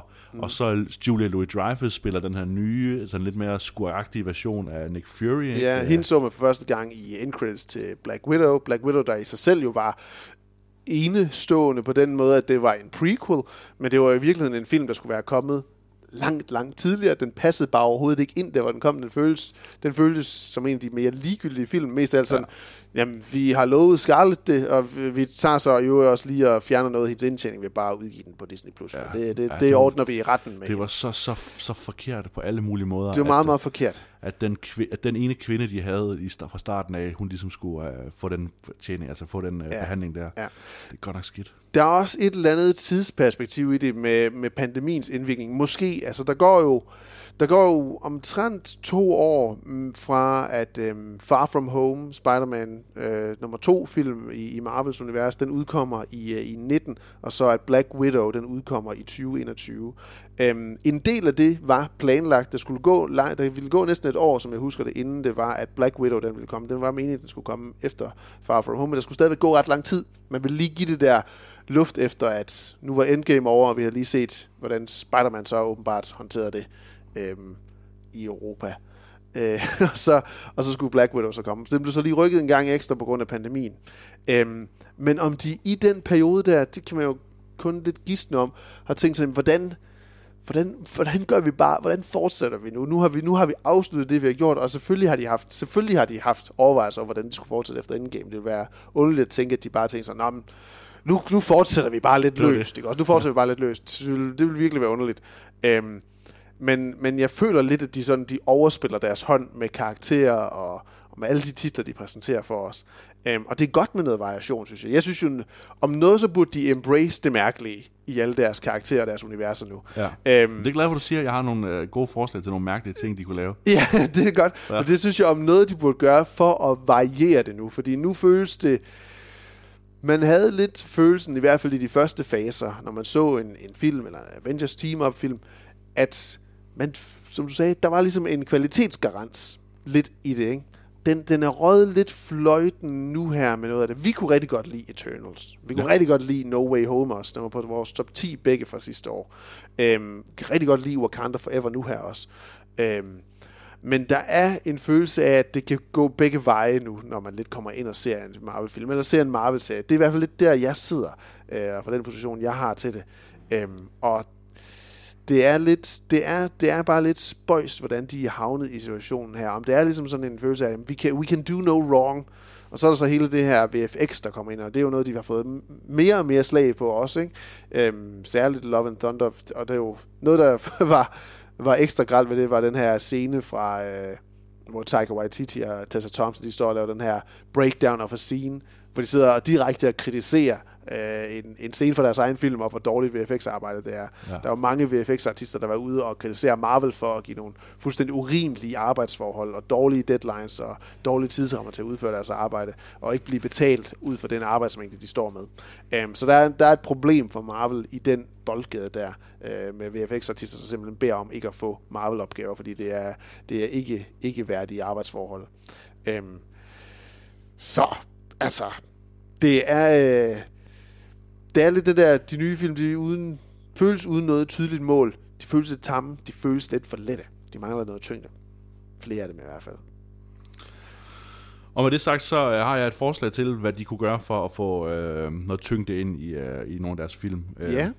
Og det kan de gøre med en, øh, en figur, der hedder Sentry, som du formodentlig kender. Ja. Øh, øh, Sentry er jo ved første øjekast bare sådan en blond supermand i, øh, i Marvel Ja, med S i bæltet. Åbenbart S i bæltet, ikke også? Øh, oven i købet. Øh, det interessante ved Sentry, det interessante ved at have Sentry i en film, det er, at øh, at han jo er en slags, øh, en slags hulk, øh, fordi han har en, en skyggeside. Han er ligesom øh, styret af den her The Void. Øh, og i tegneserien, der er der ovenkøbet sådan en, et plottråd med, at, at man havde glemt, at han eksisterede, og grunden til, at man havde glemt, at han eksisterede, det er fordi, at, at på et tidspunkt, så har den her Void ligesom taget over, og så har han som ligesom bare gået græsat og, og slået en masse mennesker brutalt ihjel. Øh, og, på, og så senere han ligesom ved skyldfølelse fået folk til at glemme, at det var sket. Ja. Øhm, så, så den drive for en superhelt, synes jeg er enormt interessant. Øh, jeg ved ikke, om jeg synes, at Sentry skal være en hovedrollefigur. Øh, jeg tror ultimativt, jeg vil ønske, at de gjorde Sentry til, uh, til skurken i, uh, i The Marvels. Uh, oh, ja. Og lavede ligesom de her kvinder kæmpe mod, uh, eller i start ligesom opleve, her er en, en supermand, som jo uh, første øjekast virker til at være enorm uh, good guy, men så har potentialet til at være uh, en ondskabsfuld person. For ligesom at videreføre den, den ret sådan øh, feministiske ting, der var med Captain Marvel, ikke? At, øh, at hun ligesom, at, at hun fik at vide, at hun skulle lægge en dæmper på sig selv, men i virkeligheden så var hun først allermest sig selv, når hun ikke lagde en dæmper på sig selv. Øh, sådan en stærk point, synes jeg, der var i den film. Øh, og her får det så ligesom et omvendt fortegn, hvor man ligesom siger, jamen her er så øh, en mand, som netop burde lægge en dæmper på sig selv, fordi når han ikke gør det, så bliver han til et monster. Ikke? Mm. Øh, så det vil fungere godt at have Sentry, og, og jeg håber ligesom, man kunne få Alexander Skarsgård til at spille, øh, Ja. til at spille Sentry. Lad ham være i Northman-form, og så med langt Ja, hår. ja. Tarzan-hår. Ja, Tarzan-hår, ja. Ja. Der, altså, der er mange, der har sagt, at, at uh, han skulle spille en figur, der hedder Kazar, som også er sådan en uh, Ja. Tarzan-figur. Ja, ikke? Men, Kazar. men jeg synes, at Skarsgård er, er perfekt til rollen, fordi han jo han har et, et intenst udseende. Uh, så hvis han ligesom fik lov til at spille sådan en, en Superman, så ville man ligesom, mm, jeg tror, nogle af figurerne øh, ville tænke, at han er vel en good guy, men han ser også lidt uh, in, intimiderende ud. Ja. Øhm, så Sentry synes jeg, man skulle helt klart bruge, og det tror jeg også helt sikkert, at, uh, at der er nogen, sikkert. der er i gang med at finde ud af, hvordan de kan bruge ham. Ja, det tror jeg helt sikkert også. Altså noget af det, jeg synes, den, øh, de altså ikke har lykkedes så godt med, det er også noget, jeg var lidt inde på i vores Wakanda Forever-anmeldelse, at det, de har ikke været så gode til at udskifte den gamle garde, altså af, af selvfølgelig primært Chris Evans og Robert Downey Jr., de her ledende skikkelser, som man følte en relation til øh, igennem opbygningen over flere film. Det har de ikke formået rigtigt at udbygge. Chris Hemsworths Thor er ikke rigtig leder i, i den forstand. Han er blevet lidt mere en comic relief karakter nu. Øhm, Dr. Strange har ikke gået ind og taget den rolle.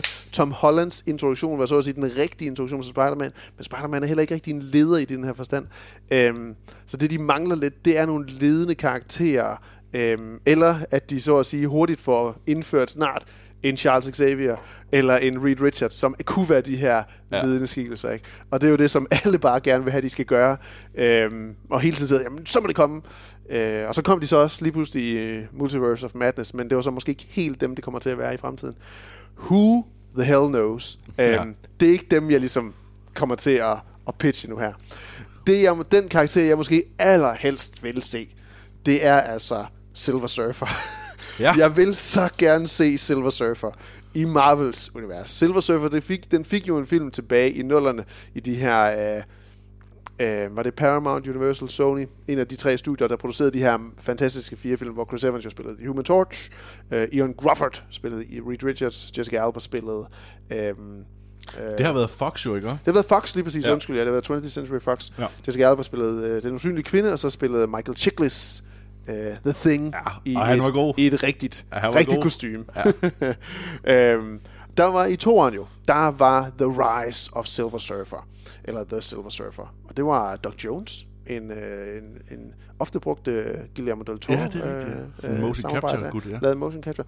Og jeg synes egentlig, designet der, fedt, flot design, så det ligner en iteration af Silver Surfer, jeg fint kunne være med på. Men de fik ikke ligesom gjort noget med den karakter. Det, i, I essensen er Norrin Rad og Silver Surfer en vanvittig tragisk karakter.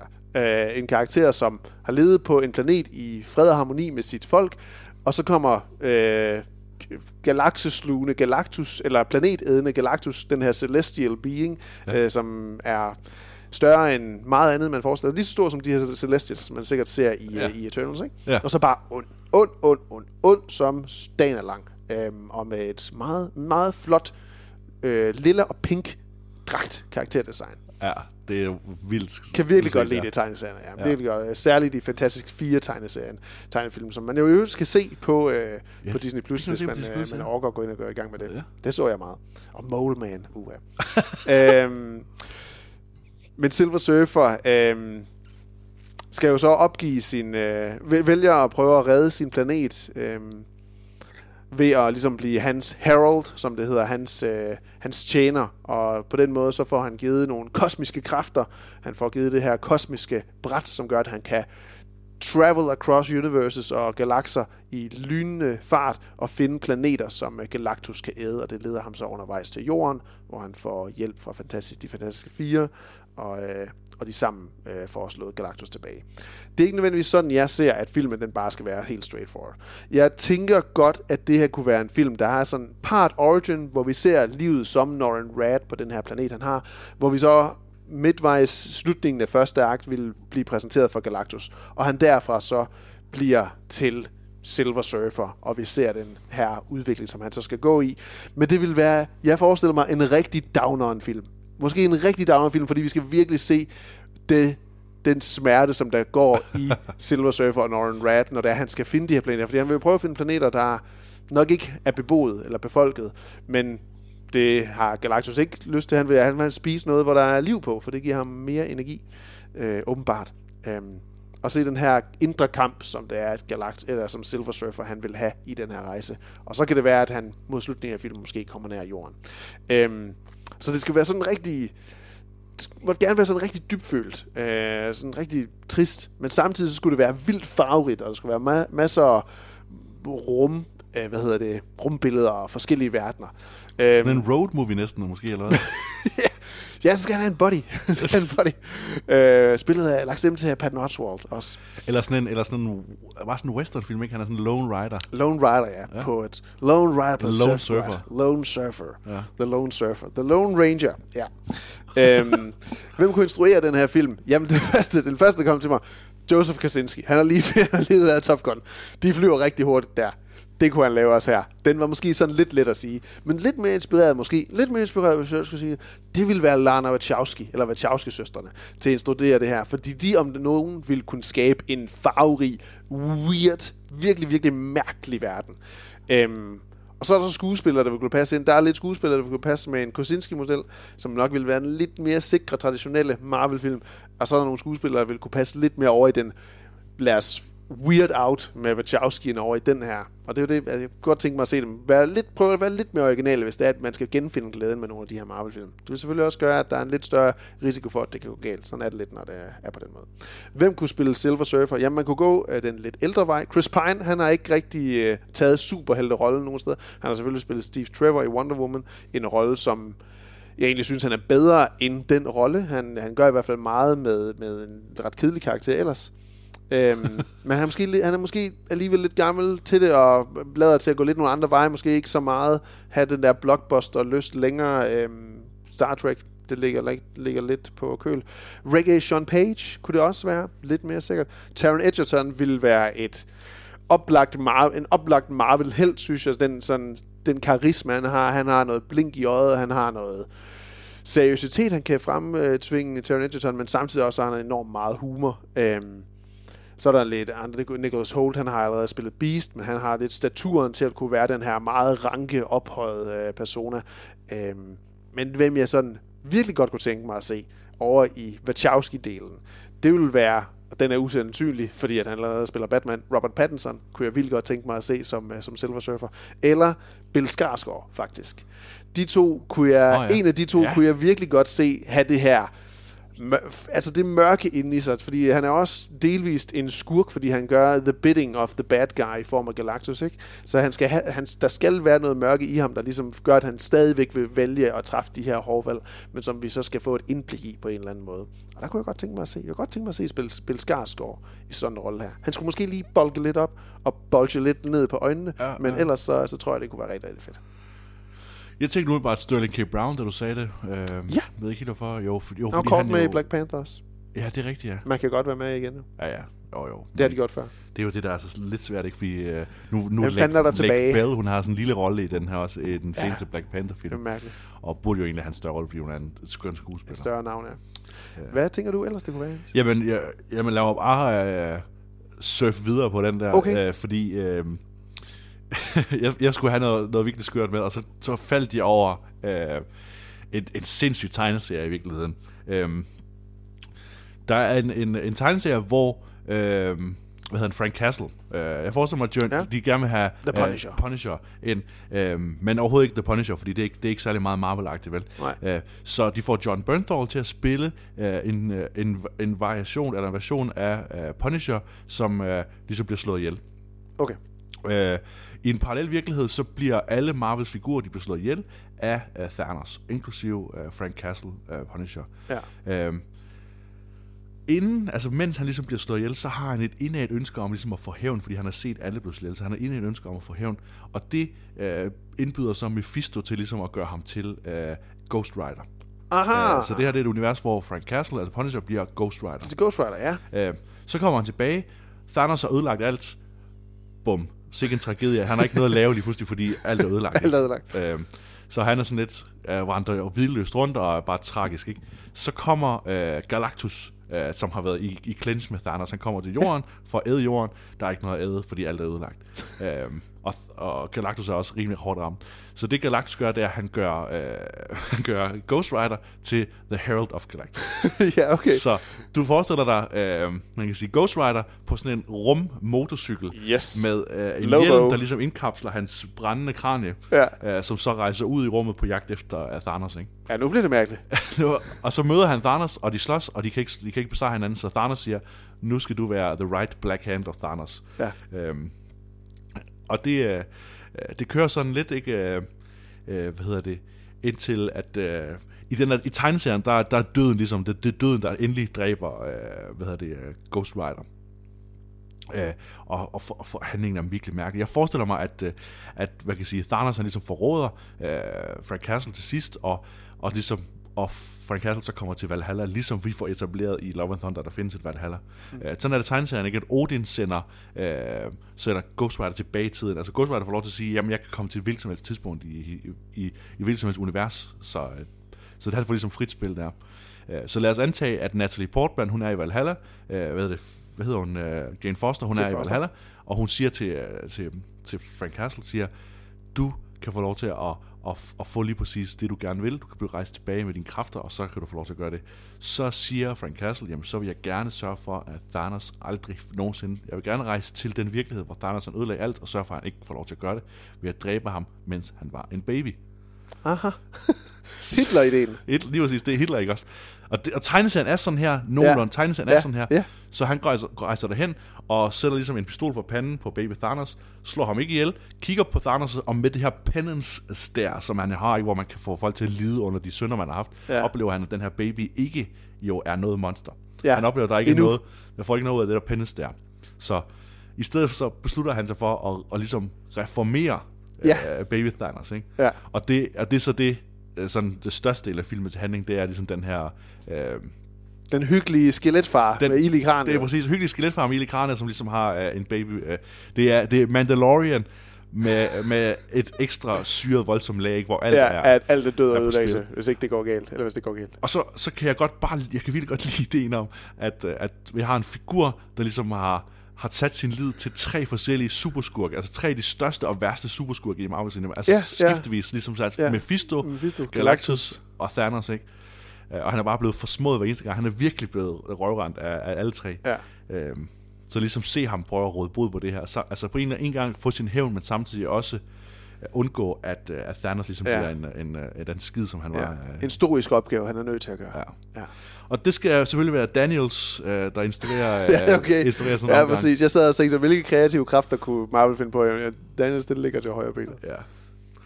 Ja, så det... det, det altså, og det skulle jo selvfølgelig være langt ud i fremtiden. Det skal, det skal jo være i hvert fald efter, man har fået etableret... Den øh, har de jo annonceret, den her. øh, Øh, Galactus. det kommer som en den- special. den er faktisk- 40 minutter kan det- de klare det der på. Ja. Men, jeg kan, altså, men, men hvis, I, hvis I sidder og hører det, altså prøv bare at google Cosmic Ja. Ghost Rider. For Ja, der, er ja. nogle, der er nogle flotte billeder af, af man kan sige, rumdragt, uh, ild i hovedet, ild i skallen, og så uh, sådan en lille, uh, lille baby spændt fast med, med, med, med kæder på maven. Jeps, jeps. Jeg læste Infinity Saga tegneserien, og nogle, nogle efterfølgende Infinity Gauntlet. Øh, ikke Infinity Saga, den hedder Infinity Gauntlet-serien. Og, øh, og der, der kom, var flere efterfølgende også der. Øhm, og så stoppede jeg på et tidspunkt, og der kunne jeg sådan læse frem i, nå okay, Ghost Rider hvad hedder det, opfostre Thanos, og sådan, fuck, nu bliver det mærkeligt. Ja, ja. ja. Det, jeg tror, det var der omkring, så nej, jeg tror, jeg, jeg, jeg tror også, jeg er nødt til at læse nogle engelsk studier nu. Ja. Nu er jeg også nødt til at læse. Nu bliver hullet for- Nu er jeg simpelthen langt. nødt til at læse Walden, og hvad Thoreau tænker herover ikke også? øh, men så det er, det, det er værd, der er jo så mange mærkelige stier, man kan gå ned af. Alle mulige vilde ting, de har fundet Jamen, på gennem, gennem tiden i Marvel, ikke? Øhm, der vil jeg sige, der er mine forslag, de er stadigvæk... de, så, Det er sandsynligt dine forslag. Nej, men der, ja, man kan sige, de er ikke lige så, de er ikke lige så spændende, de er lidt mere traditionelle. men jeg vil bare gerne have, at folkene, der laver dem, de gør noget anderledes ja, måske. ja, ja. Øhm, Klart. min, den, det synes jeg lyder rigtig spændende, det der, Jens. Min anden øh, filmforslag, den er nok den øh, sådan mest simple i virkeligheden af de tre, jeg kommer med.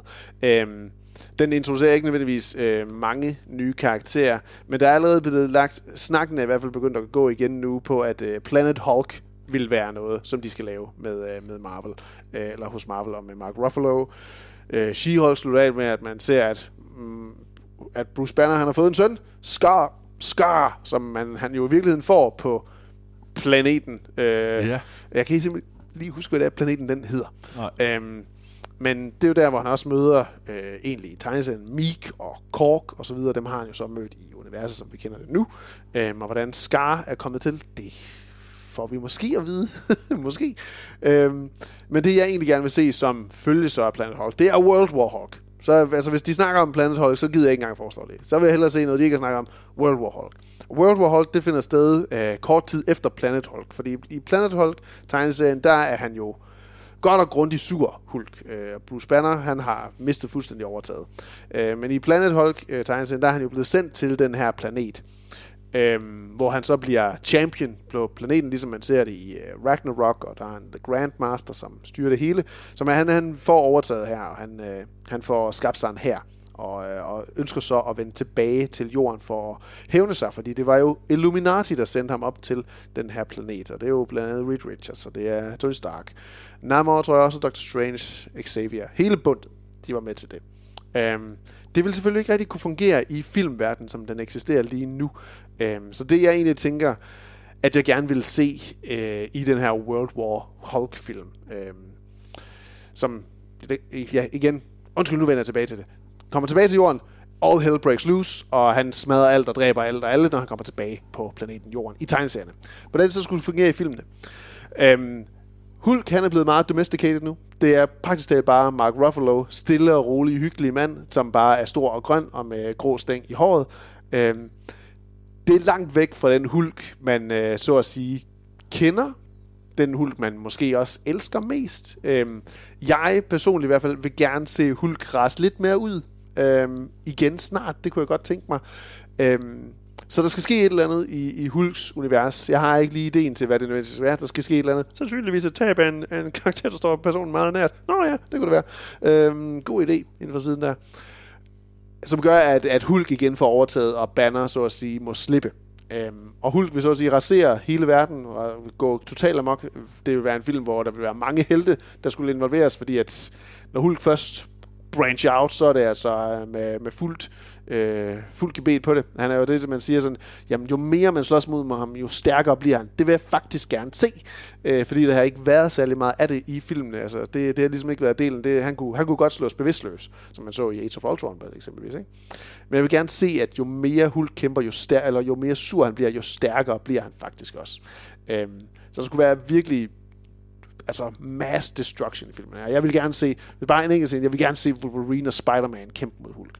Det vil jeg så gerne se. Det er sådan to karakterer, tre karakterer, der har haft meget sådan øh, kryds, krydsende historik, og vil så gerne se Hulk og Wolverine slås mod hinanden, og så med, med lidt hjælp fra Spider-Man til at prøve. Og de vil blive slået, de vil være lige døden nær, men øh, det vil være sådan en, en idé om, hvor, hvor sur Hulk egentlig er.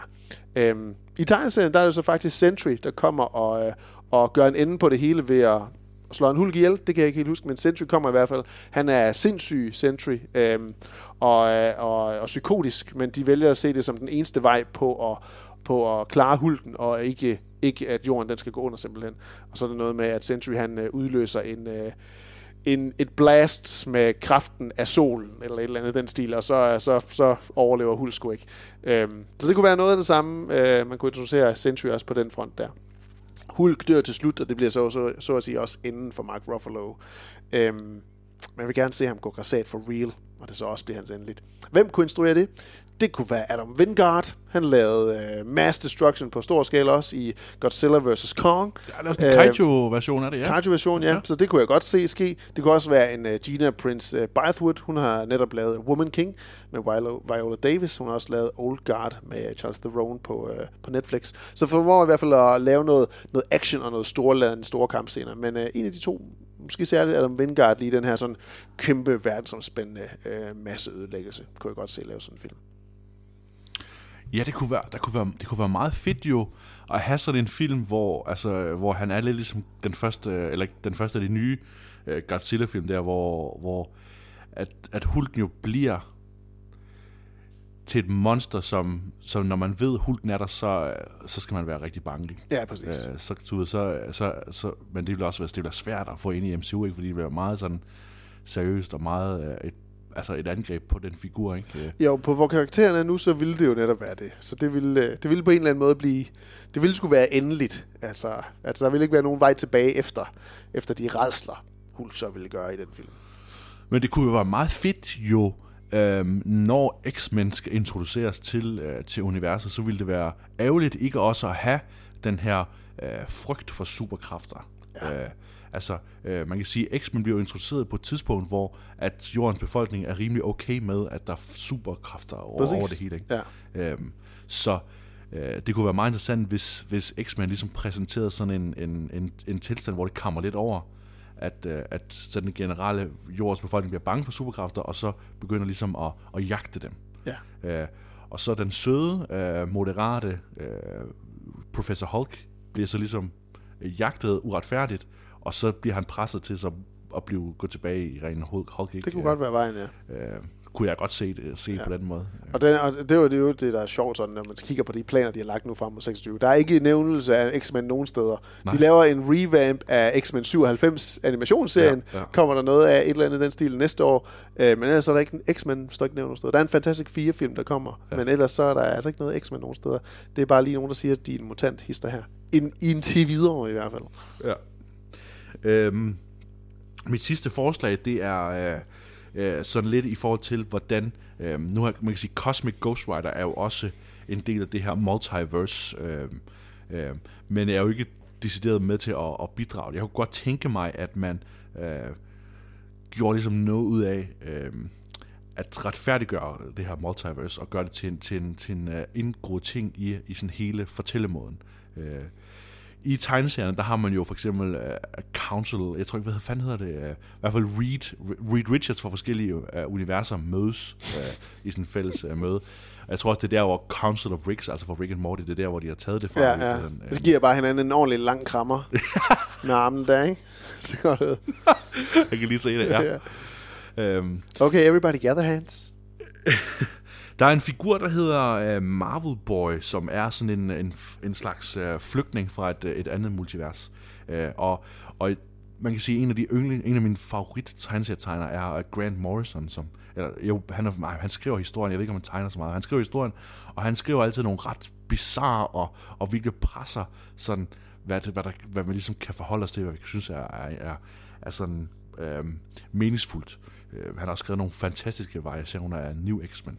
Han har skrevet øh, noget til en, en figur, der hedder Marvel Boy, som øh, er sådan lidt en, en, en, en, en lidt gængs figur, der er sådan lidt et, et potpourri af, han har fået øh, genmodificeret sig selv af noget øh, kakalak-DNA, øh, og, øh, og har sådan en masse teknologi til rådighed, som, som kommer fra den verden, hvor han ligesom er flygtet fra.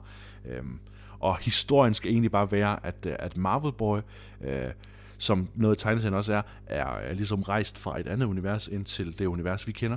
Øh, og øh, med sig har han så øh, en ret interessant skurk, den skurk, der hedder Hexus, som egentlig ikke er så meget en skurk, som er mere sådan en, en parasitisk idé, der, øh, der spreder sig ved øh, ligesom at, at overbevise mennesker, som så får øh, nogle lidt banale kræfter, de kan skyde energi ud af øjnene.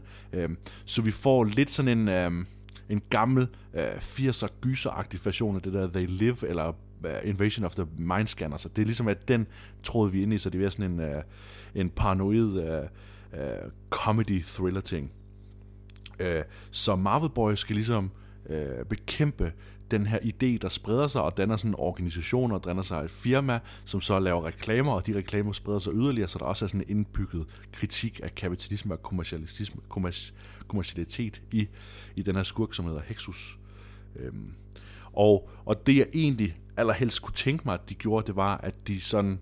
Øhm, selvom jeg forestiller mig, at Secret War øh, bliver sådan en, en, et endegyldigt på de her multiverse. Jeg tror ligesom, at de lukker hele multivers-ideen øh, ja. på det tidspunkt. Ligesom de har gjort med at lukke øh, S.H.I.E.L.D. og, og Hydra og sådan ting.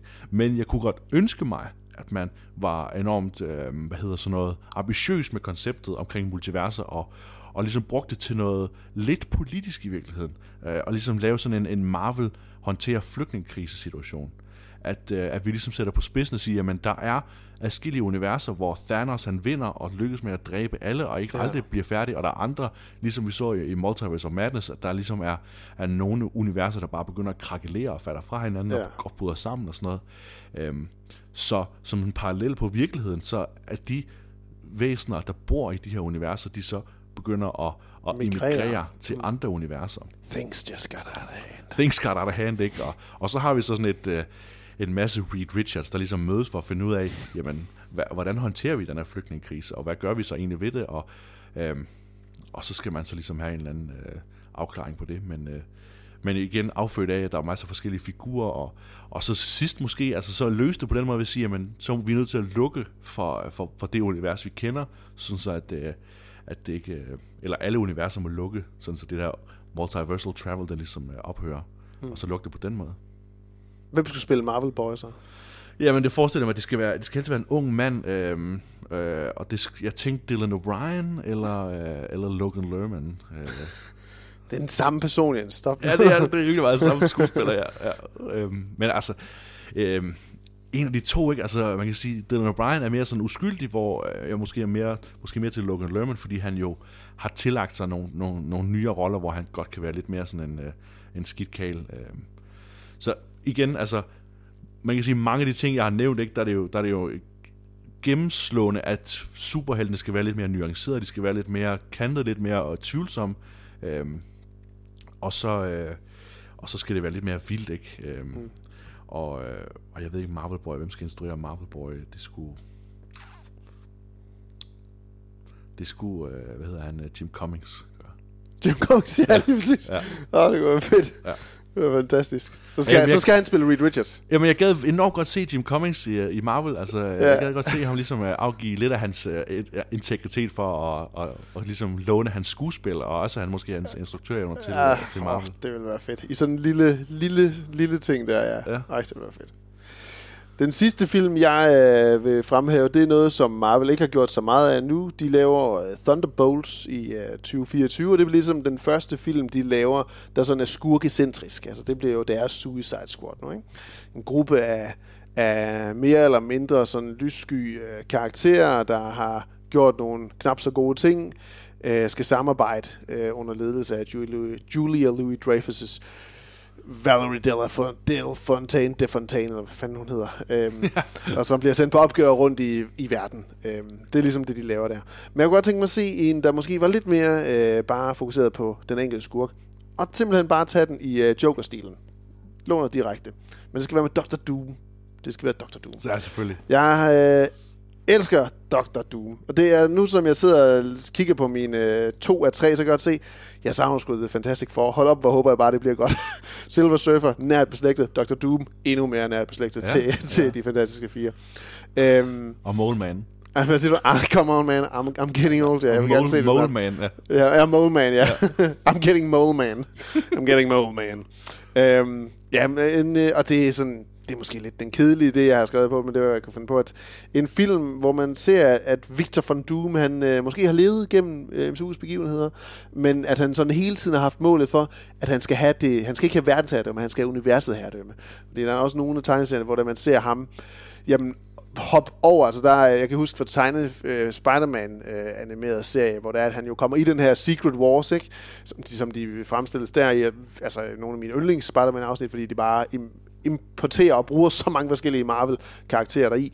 Øhm, og der er blandt også øh, Dr. Doom, som jo laver sin eget Latveria i, øh, i den her øh, Beyond-verden. Øhm, øh, men hvor han bruger sine evner til ligesom at prøve at ville... Han vil ikke bare vinde den her battlefield-kampen øh, mod de onde og de, og de gode. Han vil, han vil have The Beyonder, altså det her, den her kosmiske entity, der har sat den her kamp i, i værk. Han vil have hans kræfter og tilegner sig dem også på et tidspunkt. Øhm, men han, så det vil han bare gøre med jamen, Thanos, men måske mislykkes han der. Han kommer ikke frem til det, eller og så er det, så, er det, og ser han måske Galactus, men så er det i virkeligheden Beyonder så, som har ledt hen til de her Secret øh, War øh, filmen også, øh, eller kommer efterfølgende. Øh, men at det så skal være lidt i stilen med Joker, at øh, man skal have øh, ideen, man skal have ligesom, vi er nødt til, når det skal være en hel film, og der ikke er nogen gode karakterer, det, skal ligesom, det er jo skurken, vi har som, som fokus, at vi skal have noget sympati for ham, vi skal se, hvordan han går fra at ville gøre noget rigtigt til at blive korrumperet af magten, øh, og de evner, han har. Øh, og hans ansigt skal vandsiger selvfølgelig, han skal have den her fantastiske dragt på, øh, den, den grønne kutte og hætte og, og, og kappe. Det ville jeg rigtig gerne se en, en film, der ligesom var Dr. Doom-centreret. Og hvem kunne øh, spille den? Jamen, jeg har tænkt rigtig meget på, jeg ville synes, det var så fedt, at Dr. Doom, han er jo sådan, han er en karakter, der er super klog. Han er super snedig. Han er også charmerende og, øh, og, øh, og, og, og altså sådan, har det der dobbelte i sig, at man kan føle, at han lægger an på den usynlige kvinde, samtidig med, at han er, er vildt slæsk og, og klam, men også, også bare utrolig magtfuld. Øhm, jeg kunne rigtig godt se Hugh Jackman spille den rolle. så hvis, det, hvis han nu ikke var hævet tilbage som, som Wolverine i Deadpool 3, jeg synes, det var så fedt at se ham som Dr. Doom, fordi han også har den her fysiske, der skal jo være noget, han er jo bare et menneske, øh, som så tilegner sig kræfter på, på alle ledere kanter, men han har også noget, en fysisk øh, trussel i sig, det har Hugh Jackman trods alt af hans størrelse. Øh, det kunne også være Daniel Craig, kunne spille en rolle her. Jeffrey Dean, ja. Mor- Jeffrey Dean Morgan, hvis man gik lidt, la- gik lidt i et, et niveau under godt i, i navn. Craig, ja. Daniel Craig kunne det godt være, ja. Skulle vi gå lidt yngre igen, fordi det skal jo helst være en, der nok matcher op med alderen til uh, Fantastic 4, som jeg tænker nok ikke bliver castet i 50'erne, men nok nærmere i slut uh, 30'erne eller start 40'erne. Så kunne det, det kunne være Bradley Cooper, hvis du skulle være lidt mere den lette. Han har jo også, trods alt kun spillet Rocket. Øhm, det kunne også være Cillian Murphy, men ellers så i den kategori, så ville jeg synes, Pedro Pascal ville være sindssygt god som, øh, som Dr. Doom. Øhm, kunne, kunne spille det her slæsk, kunne spille det her overlegne humoren, som Doom også skal have i sin, øh, sin ondskab. Det ville være mega fedt. Hvem kunne instruere? Det kunne Antonio Campos. Han lavede The Devil All The Time, der viste den her, hvordan flere karakterer eller flere mennesker, de korrumperer sig den omverden, de befinder sig i blandt andet med Robert Pattinson og Tom Holland, den kan ses på Netflix. Rigtig god. Han har også instrueret The Staircase, den virkelige fortælling om... Øh, ja, jeg kan ikke huske, hvad han hedder nu. Øh, Michael, et eller andet. Den, I serien der er det Colin Firth, der spiller ham, som øh, skubbede sin kone, måske, måske ikke, ned af en trappe, og dermed slog hende ihjel. Øh, alternativt, hvis det skulle være lidt mere over i igen, det er lidt mere mærkeligt, og den person, der skulle stå for at instruere det, får lov til at bruge sine egenskaber. Noget med det vandsigede, noget med det indre, noget, der bliver fuldstændig korrumperet. Lad det være Brandon Cronenberg, der laver oh. Dr. Doom. Oh. Uh, det, vil, uh, det vil blive klamt, og det vil blive, uh, det vil blive mega, mega fedt, tror jeg. Ja. ja. Det var min bud. Det er, jo, det, er jo, det er jo lækkert at lave sådan nogle ønskelister her, fordi altså, alting virker jo på en eller anden måde realistisk. Ja, det er jo bare drømme. Når man tænker på, jamen, hvad, der har, hvad der har fungeret, eller hvad de har lykkes med, og hvad, der, ligesom, hvad de har sagt. Jamen, nu gør vi det her, nu laver vi... Øh, jeg vender jo altid tilbage til, øh, nu laver vi en film med et talende træ og en vaskebjørn. Øh, øh, ikke også? Altså, ja. når, når man har lavet Guardians of the Galaxy, så er det meget svært at ligesom sige, at nu bliver det for mærkeligt, ikke? Jo, jo, øh, det er rigtigt. Så kan, den, så, så kan, kan, ikke blive, ligesom det kan næsten ikke blive mere mærkeligt Nej, end det. alt kan ligesom klares. og alle instruktører kan komme med, og alle skuespillere kan komme med. Ikke? Ingen har nogen forbehold. Ingen forbehold. Nå, man tænker ligesom Christian Bale, han er, han er nok for god til sådan noget der. Ja, det gider han sgu da ikke. Det var han så overhovedet ikke. Det vil han så gerne. Ja. Inden vi runder af for episoden, Jens, så kunne jeg godt tænke mig bare lige høre, jeg har lige sendt dig inde på, øh, på Messenger, oversigten over, hvad de kommende titler er. Hvad er de her forskellige øh, 20 titler, 21 øh, Secret Wars, øh, inklusiv titler, der kommer frem mod 2026. Hvad for en af dem glæder du dig allermest til? Det er, altså, det er Guardians of the Galaxy 3, det er Secret Invasion-serien, det er Agatha Coven of Chaos, det er den nye Daredevil-serie, Thunderbolts, Blade, Deadpool 3, øh, Fantastic Four, Avengers-filmene. Hvad, hvad glæder du dig ellers mest til? Øh... Echo. jeg glæder mig allermest til, øh, til Fantastic Four, ikke også? Øh, ja. Ligesom nok de fleste jo. Øh, øhm, og det er, jo, det er jo mest fordi, at det, det har forsøgt flere gange, og, Mislykkes, og, og ikke, mislykkes. altså mislykkes også, ikke?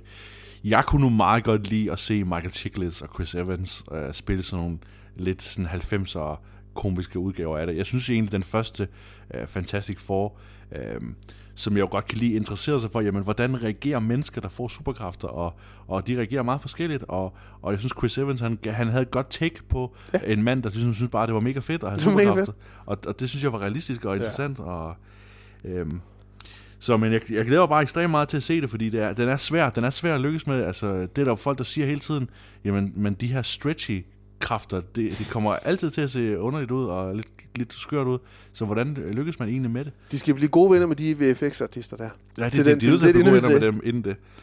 Ja. Øh, og så som du, som man kan sige, Fantastic Four kommer jo med nogle af altså de absolut vigtigste skurke i, uh, i hele Marvel uh, tegneserieunivers, ikke? At, uh, så øhm, det ville jo være, det ville jo være, være synd, hvis det var ligesom, hvis det var, man skulle introducere dem med Moldman. Hvis det var, man ikke bare tog for højeste hylde, ikke, og sagde uh, Dr. Doom eller Galactus. Ja. Uh, uh, det ville være mærkeligt ikke at have Dr. Doom med. Det ville være mærkeligt ikke at lave en film, der handlede om uh, Fantastic Four og Dr. Doom, og så, i, og så ligesom have Dr. Doom til at være hovedskurken i Secret Wars. Ikke? Ja. At, uh, at Kang ligesom uh, får dødstødet i Kang Dynasty, og så Secret Wars uh, handler så om, at Dr. Doom nu har uh, alle kræfter i verden, og hvordan besejrer man så ham. Ja, præcis. Øhm, at det ville være mærkeligt, hvis det ikke var sådan, det fungerede. Ja. Men det kan, det kan jo være alt muligt, der sker. Øhm, Jamen for mig er det også nok også Fantastic Four, altså jeg glæder mig allermest til. Jeg glæder mig virkelig til at se, hvad Secret Wars det bliver for en, øh, en størrelse. Jeg synes igen, fra Spider-Man animeret serie, var det en mega fed verdensopbygning der. Øh, også en inklus- inkludering af mange forskellige karakterer jo. Øhm, glæder mig selvfølgelig til at se Daredevil, hvordan de skaber det nu med en 18 episode sæson.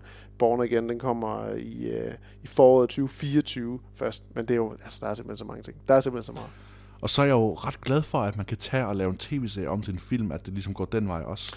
Ja, med Armor Wars. Armor Wars, ja. Blandt andet, ja. ja. Om det så bliver en film på Disney+, Plus, det, det er muligt. Ja, det kunne man godt frygte, at det, det var sådan, det blev, at det var ja. egentlig bare for at indskrænke det mere og mere. Øhm, Præcis.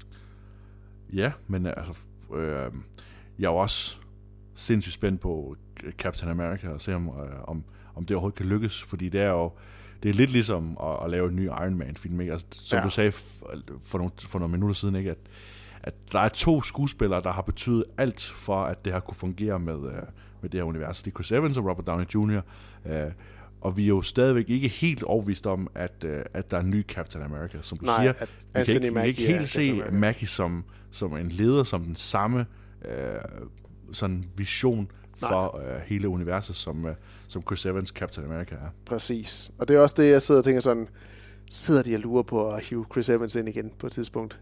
Så gammel er han bare. Altså Chris Evans, han er jo en fin alder til at kunne gøre det igen. Uh, jeg, kunne, jeg, kunne, jeg kunne godt se, at han kommer på et tidspunkt igen. Jeg tror, jeg tror han, har, han tager en pause nu. Jeg tror helt sikkert, jeg tror, han kommer igen. Det, det føler Ja. jeg mig sikker på. Det kan ikke være lige nu, hvor det er, de er ved at etablere en ny uh, Captain America. Det kan det selvfølgelig ikke, men jeg tror, han kommer igen. Big and bearded. Og man kan sige, at Deadpool 3 er jo også øh, enormt spændende, fordi at, øh, at som du siger, der er ikke nogen X-Men, men Deadpool 3 har jo X-Men med sig. Øh, Ja. At man kan sige, Wolverine er der, og, og jeg, jeg, altså, der er masser af rygter. Jeg læste også om nogen, der sagde, men så er det jo så her, at, at hvad hedder det, at vi skal... Øh, øh, hvad fanden er den hedder, kaster med kort og... Øh, Gambit. Gambit, ikke? At, øh, Channing Tatum. at Channing Tatum får lov Ja. til at, at, at, ligesom leve hans Gambit. Får lov til at lave andet end en cameo. Ja. Ja, det er muligt. Skal vi lige give uh, Wakanda Forever, det er den, er vi kommet helt væk fra nu. Den skal lige have en, uh, et par tentakler, Ja, Jens. ja. Hvad, hvad, hvad, hvad ender den på for dig? 7 ud af 8. 7 ud af 8, ja. Ja, jeg tænkte flere gange, om det her det er et mesterværk. Især da vi ligesom besøger Talo Khan, og der er musikken spiller og sådan noget, så der er jeg ligesom henført til at tænke, det her, det, er- det er derfor, man går i biografen, det er for at se sådan noget her. Ja. Øhm, selvom der er mørkt, selvom de prøver at skjule noget, så synes jeg stadigvæk, bum, det, jeg er solgt til det. Ja. Øh, og jeg er solgt til rigtig meget af den her film, så øh, den er virkelig fantastisk. Jeg er glad for, at, øh, at den eksisterer, og jeg er glad for, at den lever videre og, og udfolder universet, som, jeg, som alle gode toer efterhånden gør. Ikke? Ja. Jeg synes næsten heller ikke, den... Altså, det, jeg, synes, jeg, vil også give, jeg vil faktisk også give den øh, 7 af 8. Jeg gav to, øh, Thor øh, Love and Thunder 6, og det jeg synes, den her den er bedre. Så det, jeg er nødt til at give den 7. Ja. Øhm, øhm, Og det er godt, der var plads. Der er plads, Der det, var det, det, man skal altid sikre sig lidt plads, Ja, ja, ikke også? Man lige- skal altid sikre sig lidt plads. Ja. Så nu er der plads til 8 og 8 til Ant-Man, ikke også til, til, til februar. Til green, maj. green screen Ant-Man. Ja, green screen Ant-Man, ja. Fordi jeg synes også, altså, der er... Det, den fungerer bare som film. Det gør det bare, øh, og, og virkelig godt skuespil, super gode karakterer, som den faktisk behandler som virkelige mennesker også undervejs. Så kunne virkelig godt lide den.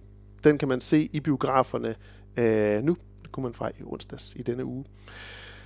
Lad os sige, det var episoden. Det blev langt også. Det blev med, langere, det blev lang episode, men det var fordi, det var, det var sjovt at sidde og forestille sig film, som ja. aldrig kommer til at ske. Ja. Måske. Ja. Øh, vil man lytte til flere episoder af Række 8, så kan man gøre det på Apple Podcasts, Spotify, Podimo, eller end du finder din podcast. Du må rigtig gerne give vores podcasten et, øh, nogle stjerner, like, whatever det kan være, eller skrive en lille anmeldelse, en lille sød, venlig hilsen, hvis det er. Det ville kun være dejligt, for det hjælper os også med at komme ud til, øh, til et endnu større publikum. I er altid velkommen til at skrive med spørgsmål eller rettelser, hvis vi sidder og siger noget, der er fuldstændig volapyk og frøvl, eller siger, William, nu ser du godt nok ligesom rigtig mange gange lige i, ret, i træk. Prøv lige at keep it in. Skal jeg nok prøve så næste gang, hvis det er. Øhm, Og, Og, først, øh, hvis man først hører det der, så kan man ikke Nej, så, man, så, så siger man er, som om, det er en dårlig rytme, man kommer ind i et hamsterhjul. Ikke? Ja. Øhm, og det skal man endelig bare gøre, eller skrive til os, hvis der er nogle titler eller film, I gerne vil høre snakke om, emner, vi skal tage op. Gør det endelig. Øhm, lad os sige, det var det for i dag. Uh, vi er tilbage igen i uh, næste uge. Der har vi listen. Du har set The Apartment, Ja, som. Martin gav dig. Og jeg har skulle se The Sting fra 1973, 1977. Din film var fra 63, skal det passe? Ja. Nej, nu siger jeg Eller bare var det noget. bare for 60? Bare for 60. 60'erne og 70'erne har vi fået Ja, film. ja. Og så har vi også set en masse forskellige ting. Jeg har blandt andet set uh, sæson 2 af The White Lotus. Har noget, du lige kan tease, Jens? Øh, jeg har set The English. Uh, The English hedder Har du set The English på uh, Prime Video? Prime, ja. Ej, den vil jeg gerne se. Den Ja. ja. glæder mig til at høre, hvad du Ja. synes om. Den Ja. har uh, premiere jo i uh, den her weekend, som der er, man lytter til det, uh, tror jeg nu. Ja. Øhm, vil man finde os og følge os, så kan man gøre det på øh, diverse sociale medier. Jeg hedder at uh, Willy Benson der. Og jeg hedder Adrepsi. Ja, og det borgerlige navn på sundhedskortet, I får ikke uh, hele CPR-nummer, det er William uh, Binderup Skåden. Ja, og min blodtype, det er B-resus negativ. og Yep, så jeg bor der, der. Jens Dreby. Tak for nu. Tak for nu.